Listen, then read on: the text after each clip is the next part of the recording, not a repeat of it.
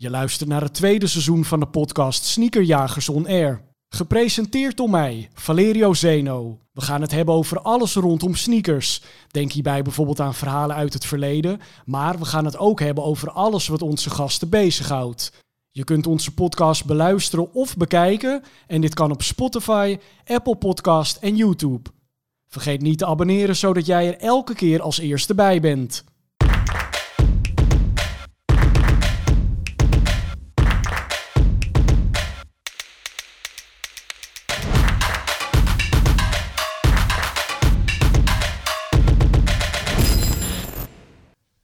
Lieve mensen, wat geweldig om te zien en uh, te horen dat jullie er weer zijn.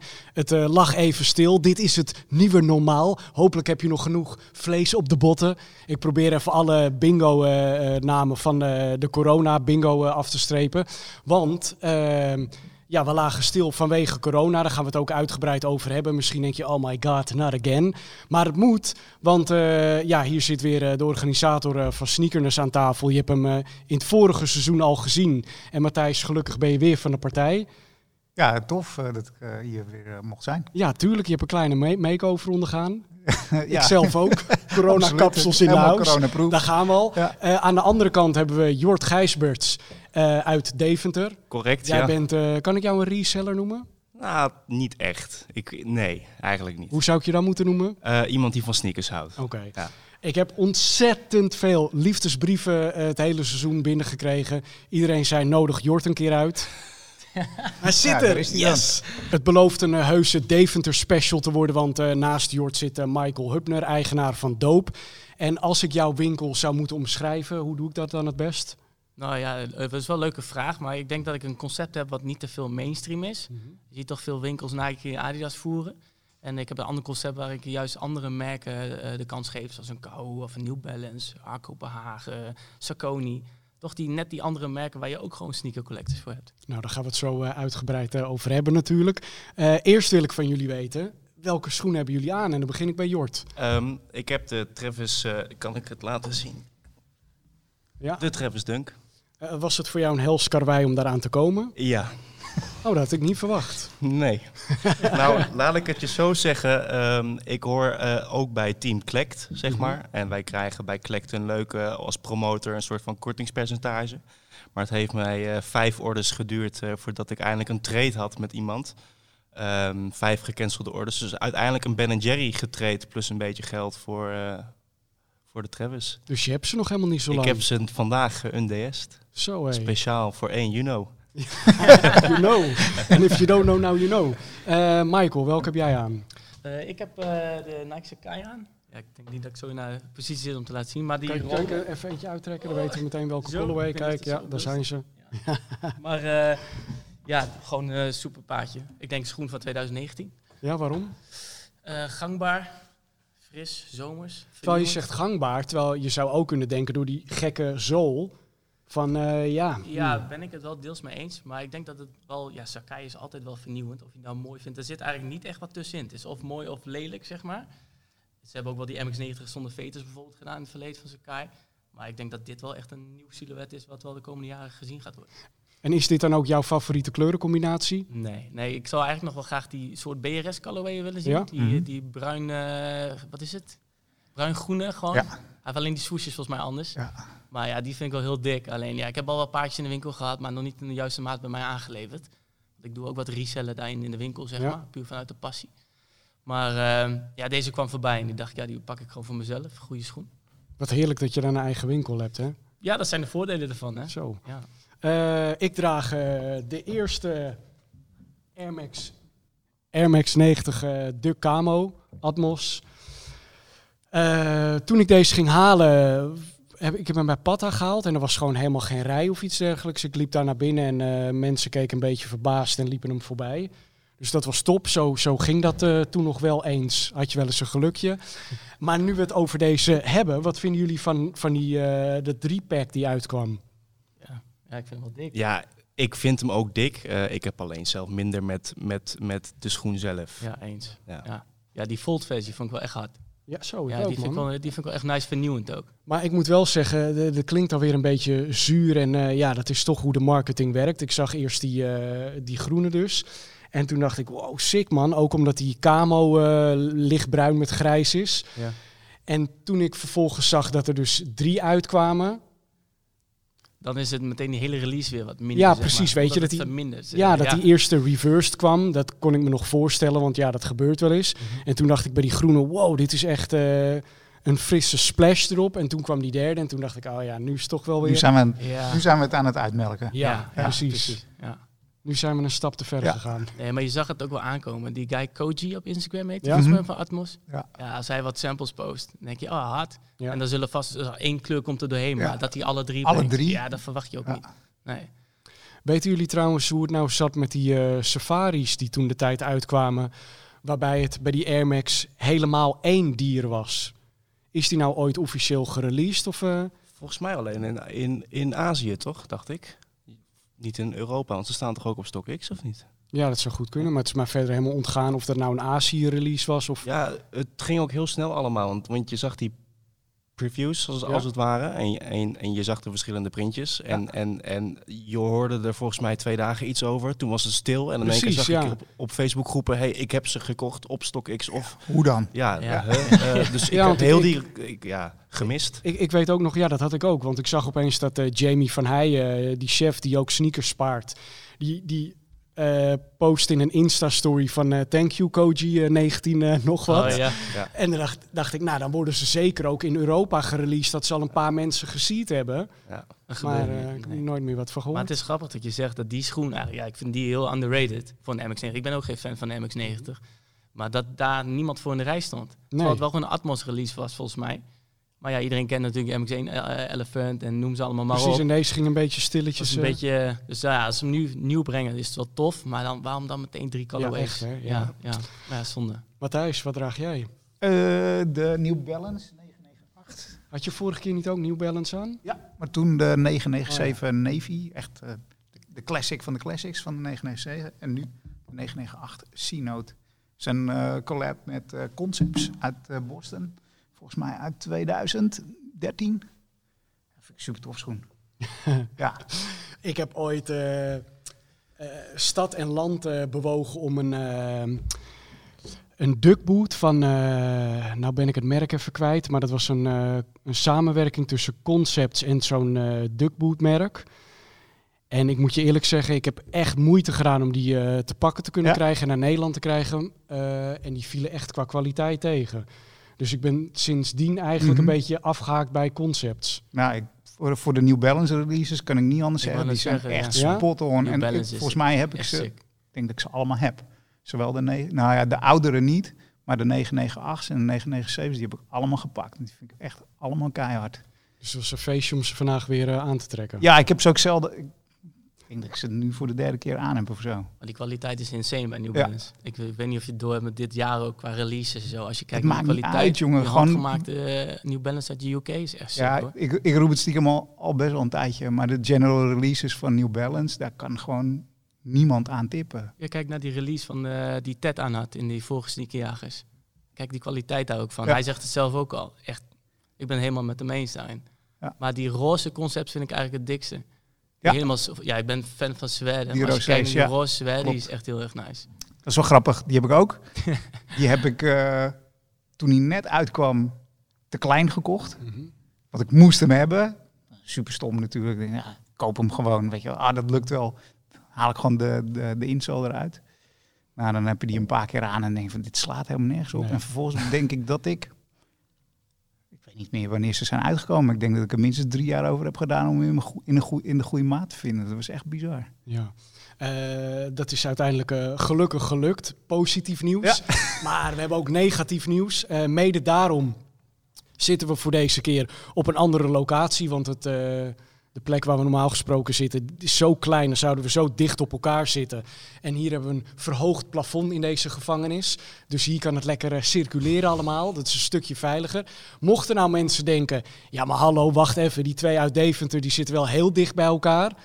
Eh, jullie zitten ook regelmatig bij elkaar in de winkel. Ja, bijna dagelijks is het toch? Ja, ja, je hoort die kijkers ook wel denken natuurlijk van eh, wat Precies. is dit? Ja. Eh, Mensen dat- zaten al te Ja. eten. Ja. Ja, ja, daar gaan we. Waarom? Waarom? Geen anderhalve meter. Maar Ja, ja. we wonen een straat achter elkaar, ook nog eens. En plus je hebt de winkel achter mij of, of, of jij achter ik. Of, hè.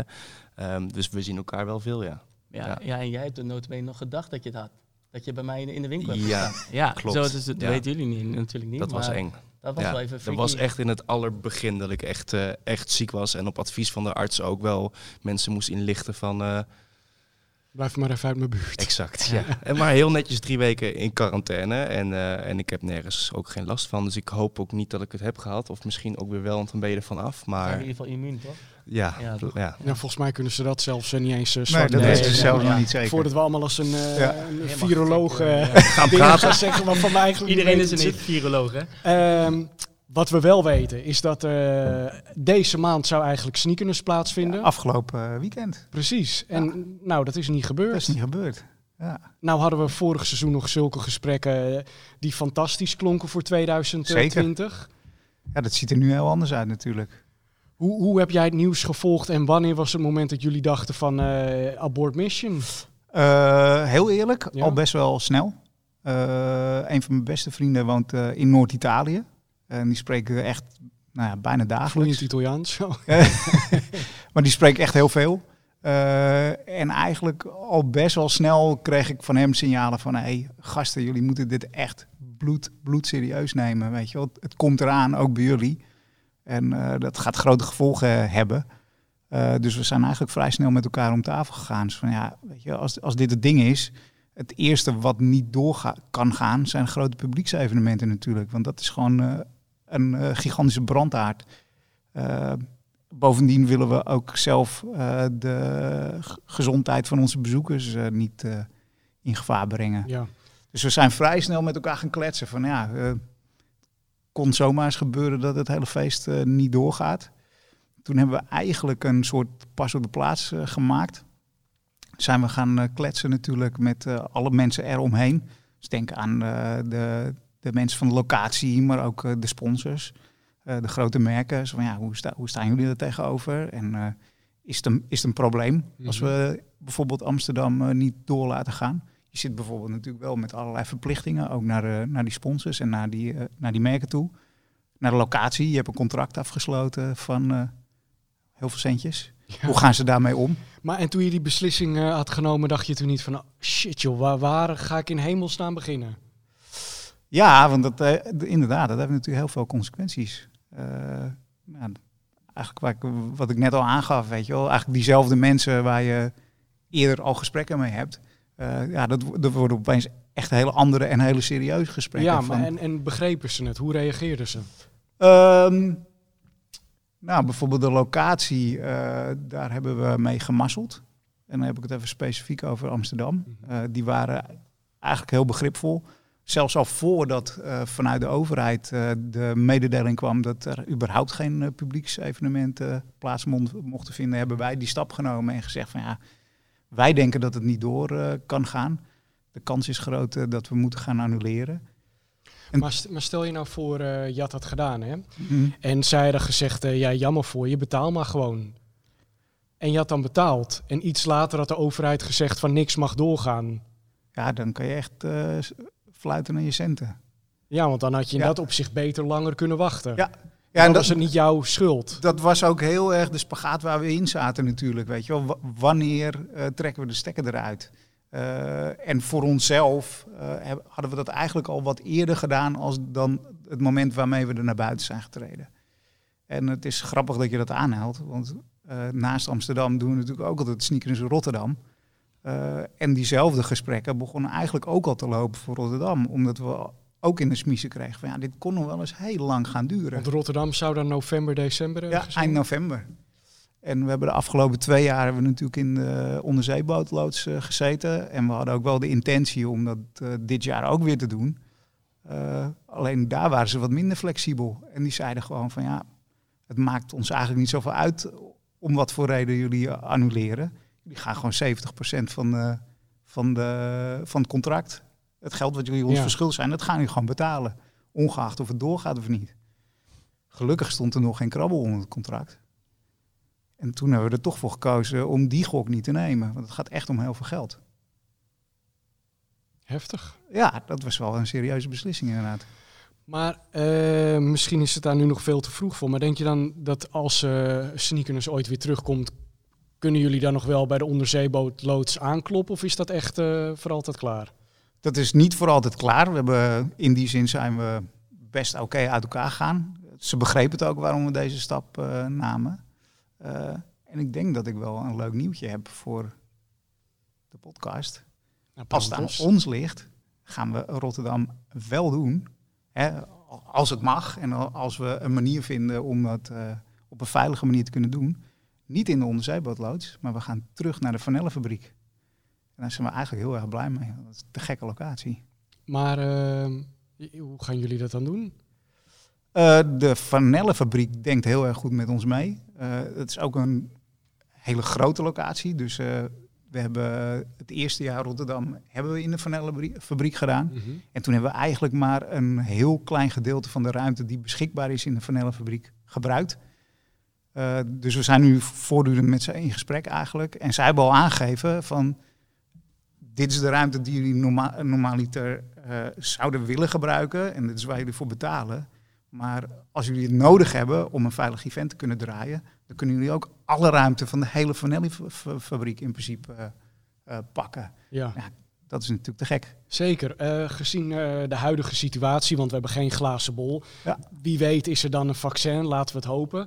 Um, maar stel het is zoals nu. Wat zijn dan de opzetjes waar jullie naar kijken? Moet ik het dan echt voor me zien dat er om de anderhalve meter een kraampje komt? En wat kan er niet meer? Ja, dat is best ingewikkeld. Dus ik denk dat er een aantal dingen zijn die je kunt doen. Een van de dingen waar we naar kijken, ik heb lang in de museumwereld gewerkt. En wat je daar nu ziet, die gaan eigenlijk vanaf dit moment ook weer open. Mm -hmm. is dat heel veel met tijdslots werkt. Eigenlijk doen we dat stiekem natuurlijk al een beetje, omdat we sinds een jaar of twee tickets verkopen waarbij je een uur eerder naar binnen mag. Dus misschien is dat een, een optie, dat we met tijdslots gaan werken. En dat bijvoorbeeld je van 12 tot 2 naar binnen kan, van 2 tot 4, van 4 tot 6. Um, er moet sowieso geteld gaan worden. Dat deden we altijd al. Uh, hè, dat is een vorm van crowd control die je sowieso nodig hebt. Want elke uh, zaal of ruimte heeft een max capaciteit. Alleen ja, nu uh, stellen we daar veel hardere eisen aan. Niet alleen wij, maar ook de verhuurder van de locatie en de overheid. Dus dat moet heel goed in, in de gaten worden gehouden. Ja, voor de rest kun je inderdaad denken aan het veel breder opzetten van het event. Wij zijn sowieso altijd wel bezig met, hele, nou, met de routing van het event. Dus brede looppaden, zodat er veel ruimte is, zodat mensen zodat de doorstroom zeg maar, goed is. Ja, we moeten het hele event opnieuw gaan intekenen eigenlijk, weet je wel. vooraf hand ontsmetten. Ja, zeker. Ik bedoel, eh, ja, dat hoort er echt bij. Weet je, bij binnenkomst. Uh, gewoon meer schoonmaak. Uh, nou ja, dus je kan een hele waslijst maken van, maar van zijn er dan al concreet dingen waarvan je zegt... ja, wat toen wel kon, dat kan nu echt niet meer? Nou, uh, hutje mutje met, met, met twintig man voor één kraampje hangen, weet je wel. Dat, gaat dat gaat gewoon niet. Dus daar moeten we echt wel heel goed naar kijken. En dat, denk, dat vind ik ja, dat doet me best wel pijn. Maar sneakers is, is meer dan sneakers kopen en verkopen. Het gaat zeker de laatste jaren ook vooral om het socializen. Ja, hoe ga je daarmee om? Je ziet het nu, de, de horeca is net uh, vandaag weer geopend. Hoe ga je dat doen, weet je wel? Uh, je wil graag een bar hebben. Hoe ga je dat inrichten? Dat wordt uh, best wel een puzzel. Maar inmiddels goed om te horen dat jullie weer een, een stip op de horizon hebben. Ja. Toch? Dat is ja, nee, absoluut. Ja. Maar is het ook kantje boord geweest of zijn er momenten geweest dat je dacht, nou, dit, dit was het. Sneakerness is, ja, is klaar. nee, gelukkig niet. we hebben gelukkig eigenlijk een, een hele kleine organisatie. en we zijn allemaal heel flexibel. we, hebben we hebben eigenlijk geen mensen in vaste dienst. we werken bijna alleen met freelancers. Dus we kunnen heel makkelijk op- en afschalen. En ja, het core team bestaat eigenlijk maar uit, uit drie man. en natuurlijk heb ik er wel slapeloze nachten van gehad. Um, zeker omdat ik op 1 februari voor mezelf ben begonnen. Uit loondienst ben getraind en gedacht van dit jaar, proberen. we gaan rammen. Ja. We gaan echt rammen. Eh, vol gas. En dan ben je zes weken verder en dan ziet de, de wereld er opeens eh, heel anders uit. ja. Dus dat was wel even spannend. Eh, Michael, hoe was dat voor jou? Want ja, je hebt een, eh, een, een fysieke winkel. Nou ja, ik ken Matthijs ook wel vanuit Sneakernes. Ik heb vanaf het begin eigenlijk al daar wel gestaan. En eh, ik heb vier jaar heb ik dat eh, gedaan via de beurzen. Online verkoop ook wereldwijd. Je moet zo zien, ik ben begonnen vanuit een eh, Tumblr-blog. En dat heb ik doorgezet naar een website waar je eigenlijk een soort van collage had waar je ons moest mailen. Ik deed destijds met een vriend van mij, ken je ook wel, Mike, eh, Mike Pol. Ja. En En eh, over welke tijd hebben we dan? poeh, het is nu 2020, ik denk acht jaar terug, begin van sneakers, 2011, zoiets. 12, zoiets. Ja. Ja. dat was nog in Westergas. Ja. Daar begon het eigenlijk. En we hebben ook wel in het buitenland gestaan met sneakers, want dat ging op een gegeven moment ook internationaal allemaal. En ehm, ja, dat ben ik eigenlijk begonnen met Mike online. En dat begon zo te lopen. Ook, wat toen was er meer Facebook dan Instagram. En op een gegeven moment kwam wij op het punt dat ook mensen ons na gingen doen, omdat wij altijd oude releases deden. Weet je, je bent zelf ook collector, je wil graag die oude releases zien op die beurzen. En mensen kwamen alleen maar, wat je nu ook ziet bij sneakers, wat ik enigszins zelf jammer vind, dat je alleen maar nieuwe releases ziet. Dus Waardoor heel veel kraampjes hetzelfde ja, ik zijn kijk, je hebt eigenlijk. bijvoorbeeld de jongens van Heel Outsol, weet je wel, eh, Frank Klerks en Bas Honders, die, eh, die guys die doen het nog steeds. Ja, die zijn eigenlijk een Echt, beetje doorgegaan, maar Zijn jullie zijn opgehouden. Ja, maar Ja. De, de, de inkoop wordt gewoon steeds lastiger. Je ziet dat Het is die bijna jongens, niet meer te vinden. joh. Nee, je ziet dat die jongens destijds al maatseries uit 2012, 2013, die toen de tijd niks waard waren, Ja. gestokt hadden en nu pas op de website gooien, wat heel slim is. Alleen ja, ik ben gewoon groot fan en Mike destijds ook van die releases vanaf 98 tot 2007. Ja. Want daar heb je gewoon die goede shapes, tenminste als we praten over MX1. Ja. En daar ken ik jou eigenlijk ook van. Vanuit Dave, vanuit het feestje dat we het over een Atmos eh, Safari hadden. Dat jij zei van die, die heb ik nog nodig. Ik weet niet of je hem inmiddels al hebt. Of dat hij nog steeds pijn doet. nee, Maar, nee, eh, die heb ik op een gegeven moment heb ik gelaten voor wat het was. want ik heb die gewoon onder de toonbank eh, bij, ja, ik weet niet of ik dat mag zeggen, bij Woei gekocht. Ja. Ik kwam, ik kwam bij Woei binnen en ik zei, joh, wat heb je daar staan? En ik draag een klein maatje, maat 7. En eh, hij had twee smalle doosjes, oranje doosjes staan. En hij had gewoon die Fiotech en die eh, Atmos had die deadstock staan. Dat was net aangeleverd van een vriend van hem uit Amsterdam. En eh, ik zei, joh, die, die neem ik mee. Maakt me niet uit wat het kost. En ja, je kent Woei, een makkelijke guy. En dan zeg je, ja, prima, neem maar mee, weet je wel. Ja, gunt je ook echt. Ja. Maar zo is het eigenlijk een beetje gaan, gaan, gaan rollen, zeg maar. Tot wij het punt kwamen in 2016, dat ik met Mike zei van, ja, weet je, de inkoop wordt lastiger. Wat gaan we doen met ons concept? Eh, We werden groter op Facebook, Instagram begon een beetje aan te komen, zeg maar. En toen zei ik van, ik wil graag alleen verder, want ik wil een winkel beginnen. En ja, je weet het tegenwoordig, als je voor jezelf begint en je moet het dan 50-50 gaan doen met iemand delen, wordt lastig. En je moet, wat wij altijd al deden, alles verdelen eigenlijk. En, en waarom wordt dat lastig? Nou, omdat Want je toch... denken 50-50 is toch heel simpel? Eigenlijk wel, maar eh, meer qua mening, zeg maar. Weet je, je hebt toch twee meningen van, nou, jij kiest links, ik kies rechts. Ja. Wat doen we uiteindelijk? Ik wou destijds op sneakers al heel graag een merchandise-lijn. Nou, maar ik was daar niet zo fan van. Ik dacht, ja, we moeten doop groter maken. Want iedereen wil graag met het woord doop op zijn shirt eh, lopen, omdat het gewoon een toffe naam is. Ja. En eh, dat hebben we hebben toen eigenlijk uit goede wegen zijn we gegaan. Goede vrienden gebleven. En vanuit daaruit ben ik de winkel begonnen. En die heb ik inmiddels drie jaar. En ja, iedereen weet dat je niet zomaar Nike en Adidas krijgt, omdat het gewoon heel moeilijk is om die accounts binnen te halen.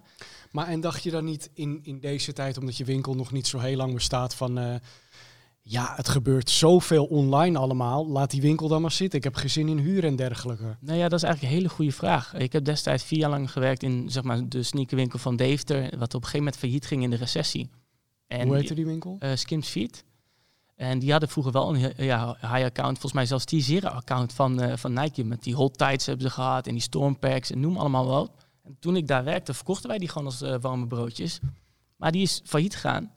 En toen dacht ik, ja, er moet gewoon wat voor terugkomen. En eh, dat heb ik gedaan maar op en eigen dacht je manier. dan niet van, ja, die zijn failliet gegaan, omdat er dus blijkbaar te weinig animo voor is. Eens, ja, ik snap wat je bedoelt te zeggen. Maar ik denk dat wanneer, juist ook als je nu kijkt naar een coronacrisis, dat het juist de beste manier is om te starten. Omdat je in onderhandeling met verhuurder of met merken in de juiste positie zit. En ik heb daar misschien ook wel een nieuwtje in. Ik ben nu bezig in een onderhandeling met een nieuw pand om te gaan verhuizen. Wel per twee- eh, 2021, om toch zekerheid te hebben voor de Ja. toekomst. Maar eh, ja, ik wil ook graag groter, ik wil ook door. Maar terugkomen op je vraag.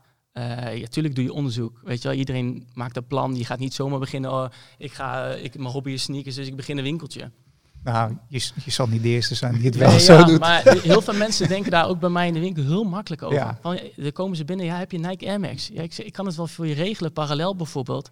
Maar ik heb een ander concept. Ja. Weet je? Ik, ik wil juist New Balance uitlichten. Of zo'n Kao, wat nu heel populair aan het worden is.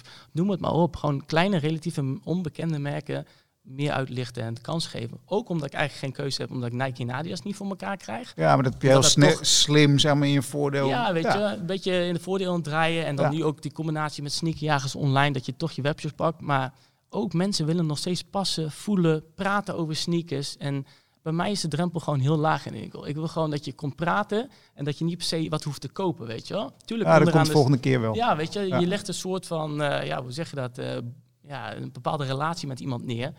Met een eh, glaasje water of een bakje Ja. koffie. Het wordt zo wat meer een community. ja, en dat zie je toch wel, wat ik ook, wat ik hier bij me heb, waar we zo meteen wel op komen. Wat ik tegenwoordig een beetje mis, dat die online raffles allemaal zijn. En dat we echt niet meer die campouts hebben waar ik heel veel van mijn vrienden van ken. Waar ik jou ook wel eens met release heb gezien bij Benji beneden met een, een SB-release. Of bij Pata op of noem ze allemaal maar op.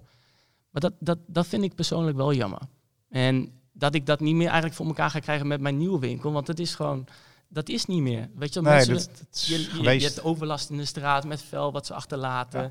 Buren die gaan klagen. Nou, als ik kijk hoe Tim dat destijds deed, deed hij geniaal. Die zei, ja, we gaan gewoon niet eerder open, Tim van Pata, dan dat jullie gewoon die hele tering zo hier in de straat opruimen.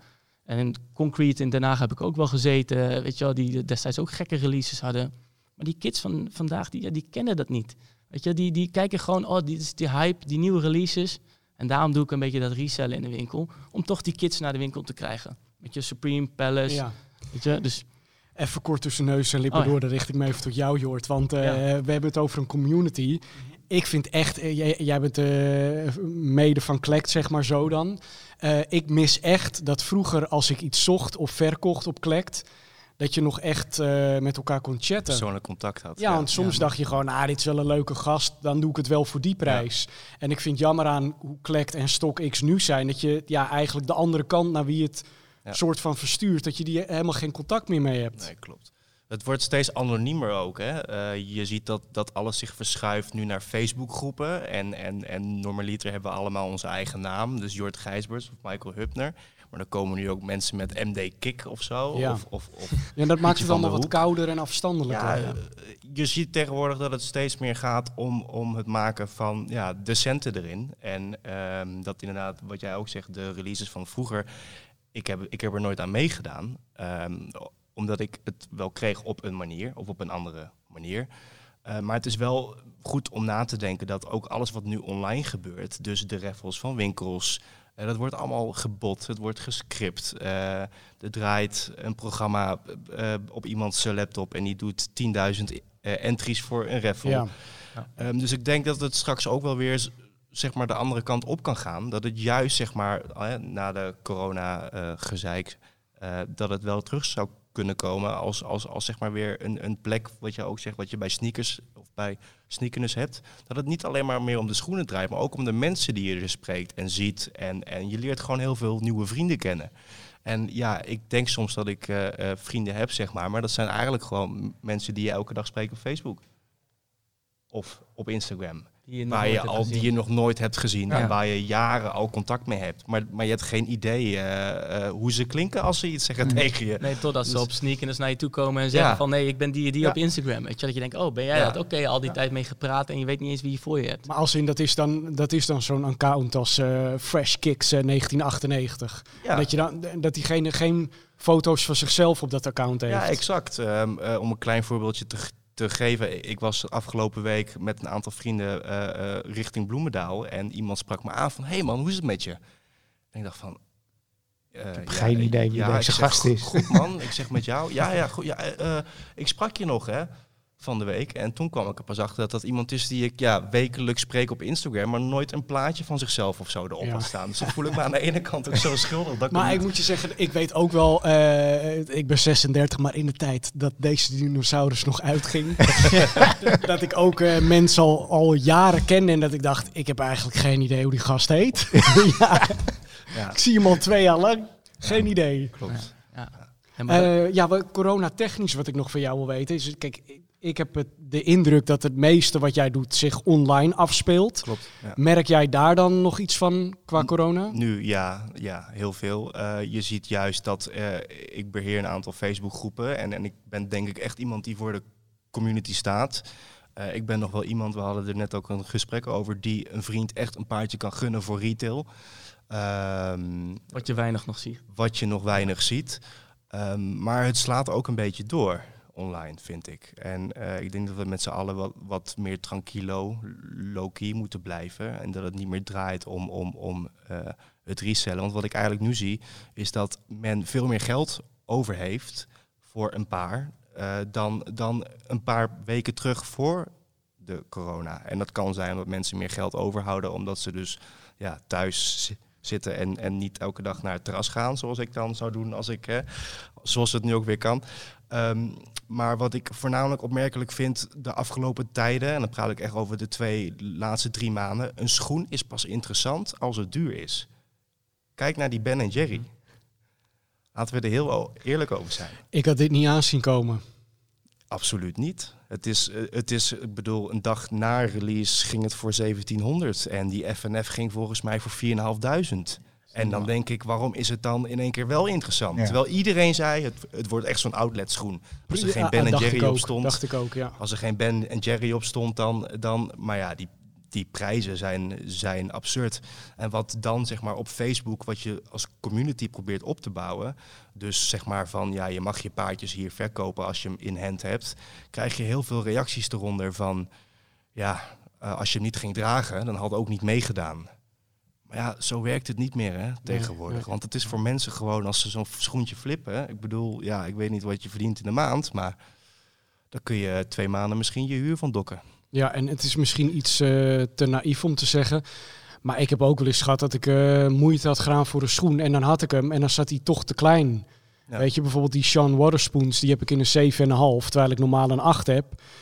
En die zijn nog steeds een volle maat te groot. Ja, dan kun je die binnenkant En dan, ja, dan Ja, zit ik wel echt te denken van ja, vroeg of laat gaat die er nog een keer uit. Ja. En dan weet ik niet of ik hem wel weer terug ga kopen in dan een volle maat kleiner. Omdat ik niet dan dat bedrag er Ja, nog voor neer leggen. Ja, Ja. precies. Ja, maar dat is wel aan de retailers, vind ik. Als jij zo'n schoen released, stel ik zo'n schoen hebben in de winkel, dan ga ik gewoon bij jou voelen hoe die zit. Ja. Eerder ga je de deur niet uit. Nee. Je gaat niet zo, eh, oh oké, je krijgt hem mee. Weet je, dat deed je. Deze destijds bij Patta, Ja. bij Avenue. eh, Ja. ja. dat, Ja, dat is eigenlijk hoe het zeker. hoort. Maar er was toen de tijd Half ook- maatje omhoog, half maatje Ja, naar beneden. anders kreeg je hem niet mee. Als hij niet Anders- was, en was anders het gewoon weg. klaar. Ja, maar er was Ja. toch ook iets van een jaar geleden ergens een release. En dan eh, was het, als je de doos mee wilde, dan moest je erop lopen. Ja. En als je er niet op wilde lopen, kreeg je de doos niet Ja, mee. dat gaat al een beetje ver, vind ik. Ja. Maar wat jij zegt, halve maat omhoog of naar beneden. En Ja. als hij er niet is, maakt niet uit of je een dag of tegenwoordig zeggen ze, oh, ik heb anderhalf uur gewacht online. Denk ik, waar heb je het over? Weet je wel? Ja. Maar ja, dat, dat is wel eigenlijk hoe het hoort. En eh, dat zie je nou sommige shops nog wel doen, maar de meeste is het gewoon. eh, ja, kijk, ik wil geen sponsor eh, maken of zo, maar als je kijkt naar End Clothing, ik weet niet of jullie dat kennen.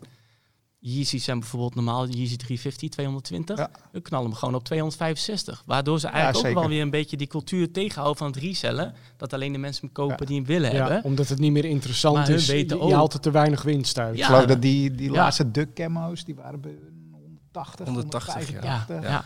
Maar ja, En dat, ze flikkert gewoon bij al dat soort releases. ja, maar we gooien overal tientjes bovenop. omdat ze weten te retail, hè? verkopen. Ja, Ja, ik kan er niks aan doen. nee.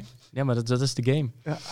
Eh, wat ik nog niet van jou heb gehoord, is eh, hoe het nou eh coronatechnisch met je winkel ging. Want je moest dus dicht op een gegeven moment.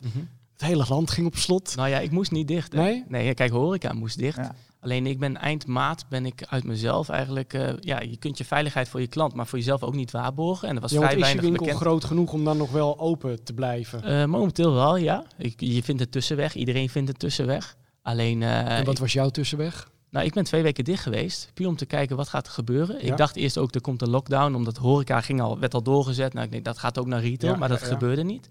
Toen ben ik begin april weer open gegaan. Dan had ik maximaal twee klanten maar in de winkel. En toen eenmaal die versoepeling op die maandag kwam. Ik weet zo niet welke datum dat meer was. Maar ja, toen zag je gewoon hek van de dam. Mensen lazen mijn versoepelingen niet meer. Ze lazen die maatregelen gewoon niet. Ik had wel van twee naar vier klanten had ik, eh, aangepast. Maar ja, ik kreeg gewoon eh, een gezin binnen, eh, een paar weken terug nog. Ja, we zijn met z'n vijf hoor, dus we zijn één huishouden. Ik zei, ja dus, het is mijn winkel, vier Ja, klanten. Ja. Eh, kan die één iemand buiten wachten? En ik heb geen zin om om politieagentje te spelen of de hele tijd bij de deur te gaan staan terwijl je gewoon met je winkel bezig bent. En mensen moeten zich wel heel goed beseffen dat je in deze tijden niet kan gaan winkelen om het winkelen. Kijk, dat vandaag 1 juni die terrassen weer open zijn gegaan. Prima, be my guest. Ga lekker in zo'n apenkooi zitten met z'n allen en eh, moet je lekker doen. Maar ga gewoon naar de stad wat je nodig hebt. Koop wat je nodig hebt. En ga weer door naar het volgende. Weet je wel? Ja, fun shop is er voorlopig Nee, even dat niet zit er bij. gewoon niet Ja, bij. maar dat snappen toch een, Nee, een dat snappen heel veel dat mensen. zien het meer, eh, hebben het echt als een uitje Ja. En daar moeten we wel een beetje vanaf met z'n allen. Ja. Ik, ik vind het ook niet eens meer leuk om een blokje om te doen om naar alle winkels te gaan. Want overal waar je binnenkomt moet je de handjes en ik snap het. Ik heb er ook respect voor. Maar goed, als je drie, vier winkels af moet, heb je op een gegeven moment ook wel je handen dat je denkt van ja, eh, eh, ik voel ze niet meer van, al het, eh, van, Ja. van alles wat ik, wat ik er überhaupt op krijg. Maar je ziet inderdaad dat het erg druk is. Maar sowieso in elke stad wel weer, zeg maar, qua, qua mensen. Ja. Eh, even een eh, kleine teaser naar de kijker of de luisteraar. Eh, in het tweede seizoen zijn we begonnen met het samenstellen van een Air Max 1. Die wordt uiteindelijk door Vice Bespokes gemaakt. Jij kan die winnen. Pas als we hem helemaal afgemaakt hebben, dan gaan we de prijsvraag maken. En dan pikken we er een winnaar uit. En die maat die wordt gemaakt. Mocht je je afvragen van ja, maar straks heb je een 8 gemaakt en ik heb maat 12, dan pas ik hem niet. Dan komt helemaal goed, we got you. Deze aflevering mogen Jort en eh, Michael samen eh, een onderdeel uitkiezen of los van elkaar van de Air Max 1. Dat komt dus aan het einde, dan gaan we dat uitvoerig bespreken. En ik kan alvast zeggen, ik, ik verheug me erop. Dus blijf hangen. Dat was Matthias' moment. Michael, terug naar jou. Eh, want je gaf net een heel lang antwoord over hoe je met de doop bent begonnen. Was een goed eh, en gedetailleerd verhaal. Daarvoor weten we heel veel nu van je winkel. Maar wat ik nog niet weet is, eh, hoe ben jij eh, sneakerverzamelaar of liefhebber geworden? Ja, dat is eigenlijk wel een grappig verhaal. Ik had, vroeger woonde ik in Assen toen ik jonger was. En dan praat je echt over een jaartje of 7, 8. En toen had je nog coach. En wij hadden gewoon een voetbalveldje voor de deur. En ja, als jongen speel je nou tegenwoordig niet meer, maar speel je gewoon de hele dag voetbal. En eh, ja, ik had gewoon om de twee weken had ik nieuwe schoenen nodig, omdat ik gewoon elke keer mijn schoenen vertrapte. En zo is eigenlijk een beetje die schoenen. Ja, ik ben ook wel, eh, zeg ik eerlijk, enigszins misschien een beetje vanuit mijn ouders een beetje verwend in opgevoed. Ik wilde net zeggen, krijg je niet gewoon een tik van... Nee, eh, ja, dat ook wel. Maar ja, als kind zeg je, ja, ik, ik, ik, ik zal het niet, eh, ik zal ze verwisselen, weet je, voordat Ja, ik ga ja, ja. voetballen. En dan twee weken later, hele neus kapot. En ik kan me herinneren dat ik nog wel op Nike Cortez liep met die baby swoosh. En eh, dat hij ook die leeslok voorop had, ook met zo'n kleine swoosh erop. En elke keer maar naar de, naar de coach daar in Assen. Een klein winkeltje, weet je wel, echt zo eh, drie bij drie bewijs van. En eh, ja, gewoon weer nieuwe schoenen uitzoeken. Tot, net zolang tot eigenlijk dat je het zelf geld gaat verdienen. En dat je de hele maand werkt eigenlijk om in, bijvoorbeeld ergens bij de juiste shop je schoen te halen. En ja, daar is een beetje die verslaving ontstaan eigenlijk. En dan word je een serieuze collector. En toen ik een jaartje of 15 was, ik word in september 30. Dus ik zit nog niet zoals een woei of eh dude van Shoe Pimp zo lang in de game, zeg maar. Dat gaat echt leeftijdgebonden. Maar toen, een jaartje 15, bij een guy uit Nijmegen kwam ik in zijn huis. En eh, ik had afgesproken, want hij had de MX-1 HOA. En eh, ja, dat was voor mij al gewoon de, de eerste MX-1 die ik ooit heb gekocht. En meteen de beste eigenlijk. Want dat is een schoentje die ik vandaag de dag nog steeds heb, ook nooit weg zal doen. mhm. Gewoon een classic is. Je ziet hoeveel die geretrood is. En ja, als je kijkt naar die shape, naar die tong. En ja, dat is ook een goede t-shirt naar zometeen. Maar ja, ik ben als collector, heb ik heel lang MX1 gespaard. Op een gegeven moment was ik bang dat alles ging uitdrogen. Ja. En toen was ook nog niet echt die met dat soulswappen en zo. Nu heb je veel van die guys die doen Ja, dat. klopt. Ook bij jou op de beurs. Ja, ja. Weet je, er zijn echt guys die supergoed zitten. Eentje in Schotland die ook heel goed is. Ik weet zo niet zijn naam. Maar ehm, ja, dat gebeurt regelmatig. En eh, ik dacht van ja, dat, dat gaat mij niet gebeuren. Nee, kan ik ze beter op tijd wegdoen. Ja. En eh, dat heb ik toen gedaan. En toen heb ik toch een beetje deels van mijn collectie opnieuw gebracht naar wat meer van nu, maar nog steeds wel wat, wat meer draagbare releases. Niet echt die ouderwetse. Mhm. En ja, nu vandaag de dag koop ik gewoon wat ik mooi vind. Kijk gewoon wat ik, eh, wat ik leuk vind, wat uitkomt. ja. En ja, je hebt wel, in het begin heb je een principe van ik geef niet meer dan dat uit. Maar dat was bij mij heel snel weg. Zodra je wat meer geld te besteden hebt als eh, met je maandloon, dan is het gewoon klaar. Dan weet je gewoon, oké, pakketje na pakketje. Eigenlijk alles wat je tot dusver hebt verteld eh, over hoe je bent begonnen is heel herkenbaar. Ik ben echt precies hetzelfde. Ehm, maar wat was nou voor jou een van je eerste paren waarvan je geld neerlegde en dat je dacht, dit is eigenlijk wel echt veel. Ja, ik heb, Misschien wel eh, gek voor een schoen. Ik heb wel een leuk verhaal daarover. Ik, eh Stacy Morales, hij is ook van Prime. Doet hij Mhm. ook wel eens dingen mee met Vernon. En ik had met de release op bij de oude P5-winkel op Ja, de, wat is In dat? Amsterdam de single. Ja. Daar had ik geluk dat ik in de deur kwam met de release en dat ze zeiden, ja, de kleinste maat die er nog is, is de maat 7. Ik zei, ja, dat is cool. Ja. Met die MX1 Lucky Green, met dat groen op de achterkant. ja. Met geborduurde. Wel klote materiaal eigenlijk dat canvas. Ik krijg heel snel een loopleuk, maar goed. In ieder geval, ik dus die schoen binnen. En ik dacht, ja, hij is wel tof of zo, maar ik had een grill op dat moment. En mijn holy grill was die MX-1 BRS, die Blue Ribbon Sports, wat ik net ook al zei met Mhm. de Sakai. En eh, ik dacht, ja, fuck it, ik moet die schoen een keer hebben. En toen kwam die keer op eBay voorbij. Hup, hup. Het ook allemaal te duur. Totdat ik Stacy in één keer ook een paardje via eBay had afgetrokken. In de maat 7. En ik zei, Stacy, yo, ik rijd nu naar Arnhem. Hij woonde destijds in Arnhem. Ik zei, ik moet die schoen gewoon met je ruilen. Ik heb die Lucky Green voor je. Het maakt me niet uit of je er geld mee maakt. Ik moet gewoon die schoen hebben. Gun mij die schoen. En hij zei nog, ik weet nog dat hij het goed zei, in een gesprek ging, ik weet niet, via Facebook chat of zo. Ik denk dat ik ze toch even online gooi om te kijken wat ze waard zijn. En ik zei, yo, Inter- ik hoorde internet ligt eruit. nee dus ja, ik ik, ik, ik werd gek, weet je wel. Ik, ik was met hem aan het Jij chatten. meteen een 5G-mast in de fik. Nou ja, laten we dat niet aansporen, maar... eh, Wauw. Ja, nee, ik eh, ben vervolgens dezelfde avond die kant op gegaan naar Stacy. En eh, ik ben tot vandaag de dag nog steeds dankbaar. Want die, die schoen is zo hard. Gewoon die kleurencombinatie enigszins klopt niet, maar ook weer wel. En ja, ik heb die trade met hem gemaakt. Hij heeft me bijvoorbeeld, het was niet eens zijn maat. Dus hij gunde mij echt. Maar eh, ja, dat was wel echt een mooi verhaal. En dat is een beetje wat, wat die collectors, die, die speurt toch, wat je normaal ook op sneakers Mhm. had, zeg maar. Dat, dat, dat, dat, dat is eigenlijk waar de collectors voor doen. Wat Ja. jij ook nog met die Atmos, dat, dat kriebelt nog een beetje. Weet je wel, dat je denkt, kak, als ik hem tegenkom, niet uit. wakker het nou niet te veel Nee, aan. maar ja. als je- Probeer het. Nee, maar als je hem tegenkomt, tik je hem af. Weet je wel? En dat had ik ook met die schoen. Ik denk, als hij hem niet wil treden, dan, dan moet ik hem maar aftikken. Dan moet ik maar geld lenen of zo. Of je moet toch enigszins, eh, weet je wel. En ja, dat, is, dat vond ik wel persoonlijk een leuk verhaal om eh, ja, meegemaakt te hebben. Zo.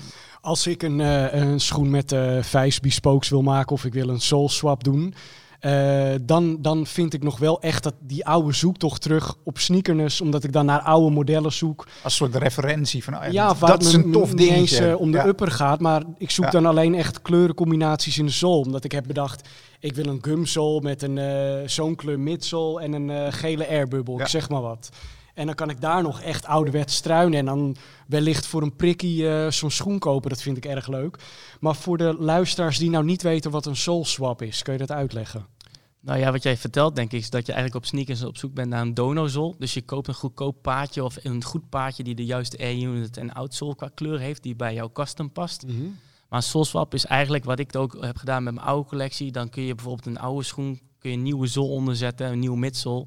En dan heb je eigenlijk weer zo goed als een nieuw oude schoen, zeg maar. Dus eh, ja, dat, dat, dat was voor mij destijds, dat ik, was er nog niet. Dus het was geen optie. Dus daarom heb ik wel deels spijt dat ik dingen heb weggedaan. Maar ja, dat heeft elke collector wel, denk ik. Weet je wel, achteraf kijk je van of je hebt het mooi getraind, of je hebt er wat anders voor gekocht, weet je wel. Dus wat dat betreft, maar ik denk dat dat een beetje... eh, Zeker, ja, ja, ik vind het wel mooi dat een term als donorzool voor ons heel normaal is. Maar ik merk aan mijn omgeving altijd wel dat ze dan Voor een leek een-. Ja, waar Ja. heb jij het over? Ja. Heb je je nieren online gezet of zo?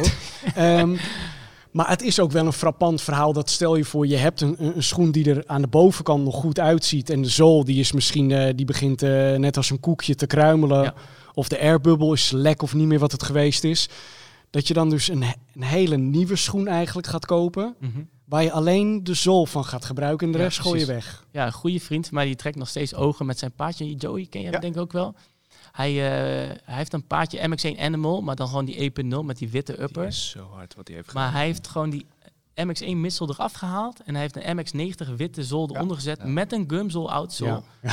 Ja, hij, als hij die aan heeft, dan kijk je echt zo van, wat? Dat klopt niet, maar ook wel weer, je, weet ja, je wel. tof, en, en dat zijn die hybrids van vroeger, wat nu eh, met die jewels allemaal was Ja, teruggekomen een paar jaar teruggekomen. En veel mensen wel gek op gaan. Ja, ik hou niet zo van leren schoenen. Maar eh, ja, wel heel tof die hybrids altijd, ja. En, en waarom hou je niet zo van leren schoenen? Want het is wel altijd makkelijk schoonmaken. Ja, dat wel. Voor uitgaan en zo is het easy. Maar eh, als je kijkt naar leren schoenen, die shape is altijd te vierkant voor mij. Kijk, voor mij is het gewoon belangrijk. Daarom vind ik die Sakai ook zo dope. Dat die shape gewoon zo bam naar beneden wijst als je die teen drukt, zeg maar. En bij een zwerde of een mesh schoen heb je dat gewoon veel meer. En leer staat gewoon als een soort bulky ding omhoog. Wat ik gewoon als collector niet tof vind. Nee, ja.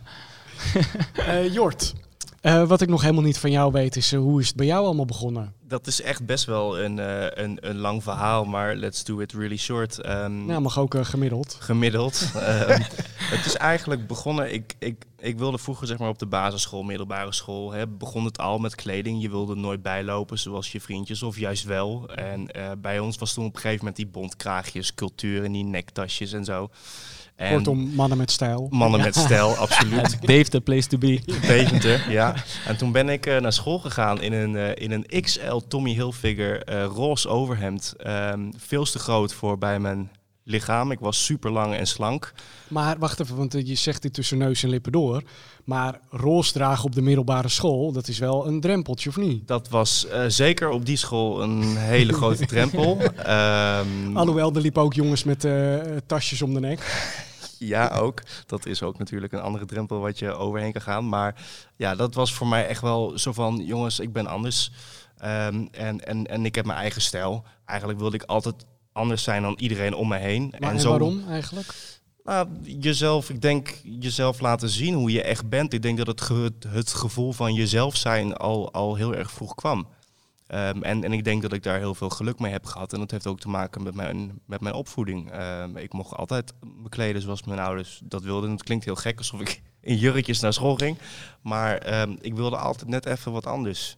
Dus ik, ik werd in het begin de kakker van school genoemd ook. Omdat ik de, ja, de polootjes droeg en, en, en, en de veel te grote Ralph Lauren polo's. Hè. Die- ja, het, het stond me echt niet als ik nu naar terugkijk. Maar Ja, ja, ik ken jou ook nog voor die tijd. je wel. hele Dus lange haren had ik. Heel apart om dan Jot nou wel zo te zien, maar als je, daar heb ik wel heel veel respect voor. Als je ziet hoe Jot eigenlijk gewoon drie, vier jaar, denk ik nou, misschien vier, vijf jaar. Vijf jaar denk ik. ja, in de game eigenlijk zit, hoe je dat dan moet noemen in de sneakercultuur. Want toch, iedereen kent elkaar wel van eh via Via. de sneakerness of wat Mm. dan ook. Maar dat hij wel zo'n bepaalde community opbouwt, weet je wel, daar hadden we net in de auto nog over. Als jij live gaat, dan zie je echt dat die kids daar ook behoefte aan hebben om toch met iemand te communiceren, te praten over de nieuwste releases. Wat Tim en Tom ook tof doen trouwens. Ja. Maar Ja. dat, dat zie je wel echt, eh, dat, dat het jou sterk maakt. Zeg Ik begin bijna te blozen Ja. hier. gewoon. Jezus, stop maar. Nee, maar ja, hij is niet echt zo'n influencer-influencer. En zo, wat hij net ook al zei, zo benoemt hij zichzelf niet. Ik heb Maar- echt een hekel aan, het, aan überhaupt de term influencer. Want ja, ik heb ooit iemand dat horen zeggen van ik influence iedereen de moeder. Hè? ik ging helemaal stuk, maar daarmee be- bedoelde hij eigenlijk van het maakt me niet uit.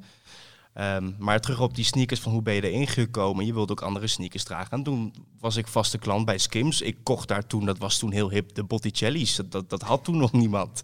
Of de Prada'tjes, weet je wel. Echt dat hele mooie kalfsleer. En, en ik had geen, op dat moment geen geld. Ik was een jaar of 16, denk ik. En die kreeg ik dan van mijn moeder. En die heb ik met een scooterongeluk die ik zelf heb gehad, heb ik, hebben ze, heb, heeft het ambulancepersoneel het open moeten knippen. Dus ik, ik had er denk ik een week of twee had ik er, had ik er ja, plezier van. En een hele sneltrein naar voren. Eh, Ik ben meer in deze cultuur terechtgekomen door ongeveer vijf jaar terug, toen mijn eh, eh, vader overleed. Ehm, toen kwamen mijn moeder en ik en mijn zusje erachter dat het zeg maar, financieel niet heel erg lekker zat. En ja, dan ga je kijken hoe, hoe kan ik mezelf onderhouden of mijn familie supporten. En ja, dan kom je, of op dat moment kwam ik in de wereld van sneakers en, en Supreme. En dat vond ik allemaal wel heel erg interessant. En hoe werkt dat dan? Dus ja, eigenlijk ja, begonnen met een beetje doorverkopen van, van spulletjes. En soms 10 of 20 euro winst maken op iets. Maar dat werd heel meer, dat werd steeds meer een gevoel van het verzamelen kwam steeds meer. Dus ik kocht iets zeg maar met de insteek om iets te houden en, en, en of om te verkopen. Ja, en op een gegeven moment stond het nog op elkaar. Op Want een gegeven moment had je een Ja, flipperkast. Ja. ja, bij wijze van. Op een gegeven moment had ik een flipperkast. Ik heb wel die brommer gehad trouwens. Niet die, die brommer, ja, die was, dat was ook een Die, verhaal. die, Die kleine. die kleine brommer, Ja, ja ja. ja. ja, fantastisch ding. Dus ja, eigenlijk zodoende, eh ja, ja ik, nog, nogmaals, ik ben geen influencer. De mensen die me kennen vinden dat misschien wel, maar ik ben dat absoluut niet. Ik promote dingen die ik leuk vind. En, en ik praat met de mensen die ik leuk vind. En als iemand in mijn inbox zit van, joh, wil je iets promoten of zo? Je krijgt er een paar honderd voor. Ja, in- interesseert me vrij weinig, moet ik zeggen. Ja, maar toch eh, zijn er eh gelijkertijd mensen die tegen je opkijken en zien hoe jij iets combineert. Ja. En dan kan je het een niet zo mooi woord vinden, maar ja, dan, dan ben je het wel. Ja. En dat bedoel ik niet als aanval, maar meer, ja, Ja. het is ook, eh, Ja. het kan ook zijn Ja. eh, je toffe neef die altijd eh, een stijl heeft, dat je denkt, ja man, ah, mijn neef is echt cool. Ja, Weet je zo. ja. En dan is het minder vies dan dat je zou zeggen influencer. klopt. Omdat je meteen dan aan bepaalde meiden en zo denkt. Ja, wie, aan wie denk jij nu? Die wel eens in een geheime tuin zitten of zo. Oh ja. Nee, daar, daar heb je in de, inderdaad een punt. En, en ik krijg ook veel berichtjes van voorna- voornamelijk de, een, een wat jongere generatie, maar ook een wat oudere generatie. En dat zijn dat vaak wat, ook wat haatgerichte berichten van waarom heb jij die schoen? Ja. Die heeft niemand of zo. En dan voel je je soms toch best wel van, ja, ik had ook gewild dat ik gewoon lekker hè, eh, eh, een foto kon maken van een kopje koffie of zo. Maar dat past niet op je Insta-feed. En, en, en, en Insta is wel een soort van, ja, het, het, het is toch wel nep eigenlijk. Eh ben ik zeker, zelf ja. ook heel bewust van. Want je laat eigenlijk zien wat mensen willen zien. Maar diezelfde mensen willen het eigenlijk niet zien. Omdat ze dan weer ja, boos kunnen worden. Of juist heel blij ook kunnen worden. Die heb je gelukkig ook genoeg. Het, het, het merendeel. Ja, aan de andere kant kan je natuurlijk ook zeggen, ja, als ik een eh, bakkerij heb, dan leg ik wel alleen de mooiste croissantjes in de etalage. Ja, absoluut. Ik bedoel, eh, het is ook niet het showcase van een collectie. Want het interesseert me niet zo heel veel wat voor schoen ik heb. Of, of, of, of eh, waar ze voor gaan. Hè? Wat tegenwoordig wel een heel, heel hip ding is. Het moet heel duur zijn of zo. Hè? Die intentie krijg ik. Nee, maar daar heb je inderdaad wel eh, een punt. Ja. Toch influence ik misschien meer dan dat ik denk. Maar Toch influencer hier en daar een moeder. eh. dat zeg ik niet eh, op. YouTube. Oké. Ehm, eh, ging het met het verkrijgen van spullen ehm, vroeger makkelijker of moeilijker dan nu? En dan bedoel ik het even niet, en heb ik het even niet over je contacten. Maar stel je voor, it's Jort out there all alone by himself. Was het dan vroeger makkelijker of nu? Nu. En hoe komt het dan? Je leert mensen kennen, je krijgt contacten. eh, je, kent je kent mensen van, van verschillende shops in binnen- en buitenland. En het is niet dat ik dan voorrang krijg, wat ook heel veel mensen denken van... Oh, I- I- Jort die krijgt alles, want dat is backdoor of zo. Of dat paardje is via de achterdeur. Dat, dat, dat is gewoon niet zo. Eh, maar ik ben wel bezig, dan moet ik heel eerlijk zeggen, om, om, om aanstaande maand, eh, volgende maand, te kijken zeg maar, naar wat ik zelf kan doen in, in dit wereldje. En, en daarbij zou ik eventueel ook een, ook een, ook een Michael kunnen hebben, of helpen die, die geen Nike-account heeft, zeg maar.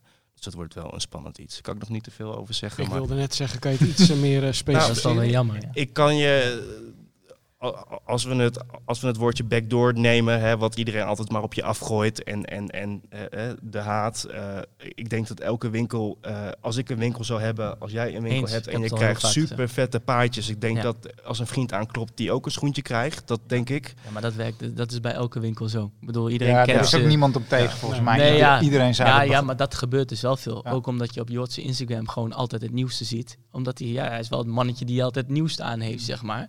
En daar kennen mensen hem van. Dus dan ga je ervan uit, oh, het zal wel backdoor zijn. Niemand denkt, oh, hij heeft misschien een raffle gewonnen. Of hij heeft meteen eh, op de sneakers app wel wat eh, gepakt, zeg maar. Ja, en soms koop ik het ook gewoon via Collect een, een week voor een release, omdat ik weet dat ik het niet krijg, zeg maar, of niet op een makkelijke manier kan- kan, kan krijgen. Maar ik ga meer kijken naar zeg maar, het stukje winkeliers die, die zeg maar, goede accounts hebben bij een Nike of een Adidas, die, die, die ook heel veel sale hebben liggen. Ja, die kun je op twee manieren helpen. Dus je, je helpt ze door hun sale op te kopen, zeg maar. En, en dat verkoop je dan aan een winkel die, die, die geen Nike of Adidas account heeft. En daar hoef je zelf nog niet eens op te verdienen. Maar je kan misschien wel een afspraak maken van... als er ooit een leuke release komt, dan... wat kunnen we dan voor iets voor elkaar iets doen? Ja. Want tegenwoordig ehm, is het toch meer de, de haat zeg maar, op het online... en al die raffles en dan al die els en al die saltiness die daarna komt... van altijd die kut sneakers app of, of altijd Ja. dit of altijd die winkel... Of, of als een winkel dan zeg maar een, rele- een release doet, ik noem geen winkels... ja, doen ze toch niet, want toch alles gaat via de achterdeur... Dan word ik daar zo moe van, weet je wel. Dan denk ik, jongens, jongens, moet je nou altijd als je een L pakt dit ook laten horen aan de rest van de dat wereld? is het dus wel wat ik bedoel, hè, met die Nike en Adidas account. Ik zie mijzelf als soort van laatste in de game betreft een winkel. Dus je krijgt geen account, want de accounts zijn vergeven. Mhm. Op het moment dat er accounts opgegeven worden dat winkels failliet gaan of noem maar wat, of die stoppen, heb je nog steeds geen kans. De sneakers app, daar ligt de volle focus op. En ze hebben her en der wat retailers in het land die wat schoenen releasen. Maar de, de, de vraag vanuit de schoenen, die is er nog steeds enorm. En nu heb je wat als StockX. En dat is eigenlijk wat Jort zegt. Kijk, officieel mag ik geen Nike voeren. Maar toch probeer je die klant ook op te vullen, want je hebt geen Nike-account. Je- Ja, weet je, en het, het, het is ook een beetje tegenstrijdig. Want ik net vertelde, ik heb een ander concept. Maar je wil ook wel weer die mensen in je winkel hebben. En je wil daar ook een soort van naartoe werken. Maar je weet dat de deur toch dicht is. Mhm. Weet je, dus Ik zei net in de auto, we hebben best wel een leuk gesprek gehad in de auto ook met z'n tweeën. Van, Is dat opgenomen? nee, Ja, ja, kunnen ja. we dat toevoegen? Ik heb, dat, ik heb het je nog niet gezegd, maar ik heb het stiekem nog steeds aanstaan. Nee, maar dat, dat is wel zeg maar dat je op den duur gaan die merken dat ook wel merken. Dat daar steeds meer vraag naar komt. Want de sneakermarkt is toch, de hele cultuur is toch groeiende. Weet je wel? En eh, ik, wat ik heel vaak krijg te horen, want ik probeer met mijn winkel in het oosten echt het nieuwste te neer te leggen. Want toen ik 15 was, ging ik altijd naar Amsterdam om het Mhm. nieuwste te halen. Ja. En ik wil dat dat ook in het oosten kan. En je merkt gewoon dat die merken, groot gelijk, arrogant daarin zijn. En gewoon zeggen, Deventer, wat moeten wij daar dan? Waar ligt het überhaupt? Ja, waar ligt het en wie ben jij? Weet je wel? En dat is helemaal goed. Maar laat mij dan ook mij bewijzen en daar mij kans in geven dat je zegt van hé, de deur staat wel iets open voor je. Ja, Maar ja. kom over een paar jaar weer terug, weet je wel? Weet je, en dat is wel wat ik merk, ook wat Jort zegt. Als daar een beetje een tussenweg in gevonden kan worden. En dat niet iedereen die L op die sneakers app krijgt. Maar ook gewoon bij een local in Deventer of in Apeldoorn bij Dennis. Of noem maar wat op gewoon kan halen. Ja, dat zal het heel wat makkelijker maken zijn. Of te, te zijn dan op het StockX eh, kopen voor resell, zeg maar. Maar en dan heb ik twee vragen. Want eh, als je een, eh, een bedrijf begint, in dit geval een winkel, hè, dan kan je kiezen, wat, valt het onder de noemer horeca, kleding, ik zeg maar wat. Eh, zou jij dan ook nog onder welke noemer je valt als soort van maas van de wet een andere kunnen kiezen dat je bepaalde dingen wel mag verkopen die een schoenenwinkel niet mag verkopen? Nou ja, ze hebben binnen eh, bepaalde merken zijn er wel gradaties waarin je eigenlijk eh, gewoon een laag segmentatie hebt. Die mogen alleen bij die ketens liggen. Dan heb je middelsegmentatie, je hebt hoog, zeg maar. En ik begin vaak op middel en dan kun je vanuit daaruit doorgroeien. Ik zit bij New Balance, ben ik net naar hoog gegaan. Weet je, Gefeliciteerd. dankjewel. Maar dat, je moet ergens instappen. En ik ben meteen naar de tweede collectie daarin gegaan. Ook omdat ze zien, ik weet waar ik over praat. Ja. Ik heb op Sneakerness New Balance Wood Wood verkocht. Wat, wat je nou helemaal niet meer ziet. Gaat echt voor duizenden euro's. Weet je wel, dus dat laat, zo die is vet, keihard. jongen. Weet je, en dat laat ik dan zien aan die vertegenwoordiger. En dan, dan zegt hij ook van, ja, ik zie, ik zie waar je vandaan komt. Komt goed, weet je wel. En dat zijn die, die submerken die daar wel voor openstaan. Ook zo'n zo'n Kangaroos of Ja. een Kauhu. Of, Ja. weet je wel, dat, Zeker. die hebben jullie volgens mij ook wel eens op de beurs staan. Ja. Maar dan lijkt het me zo'n eh, spagaat waar je in verkeert. Omdat aan één kant, je, je hebt dus niet de licentie om Nike te verkopen. Eh, maar je wil wel aan ze laten zien van...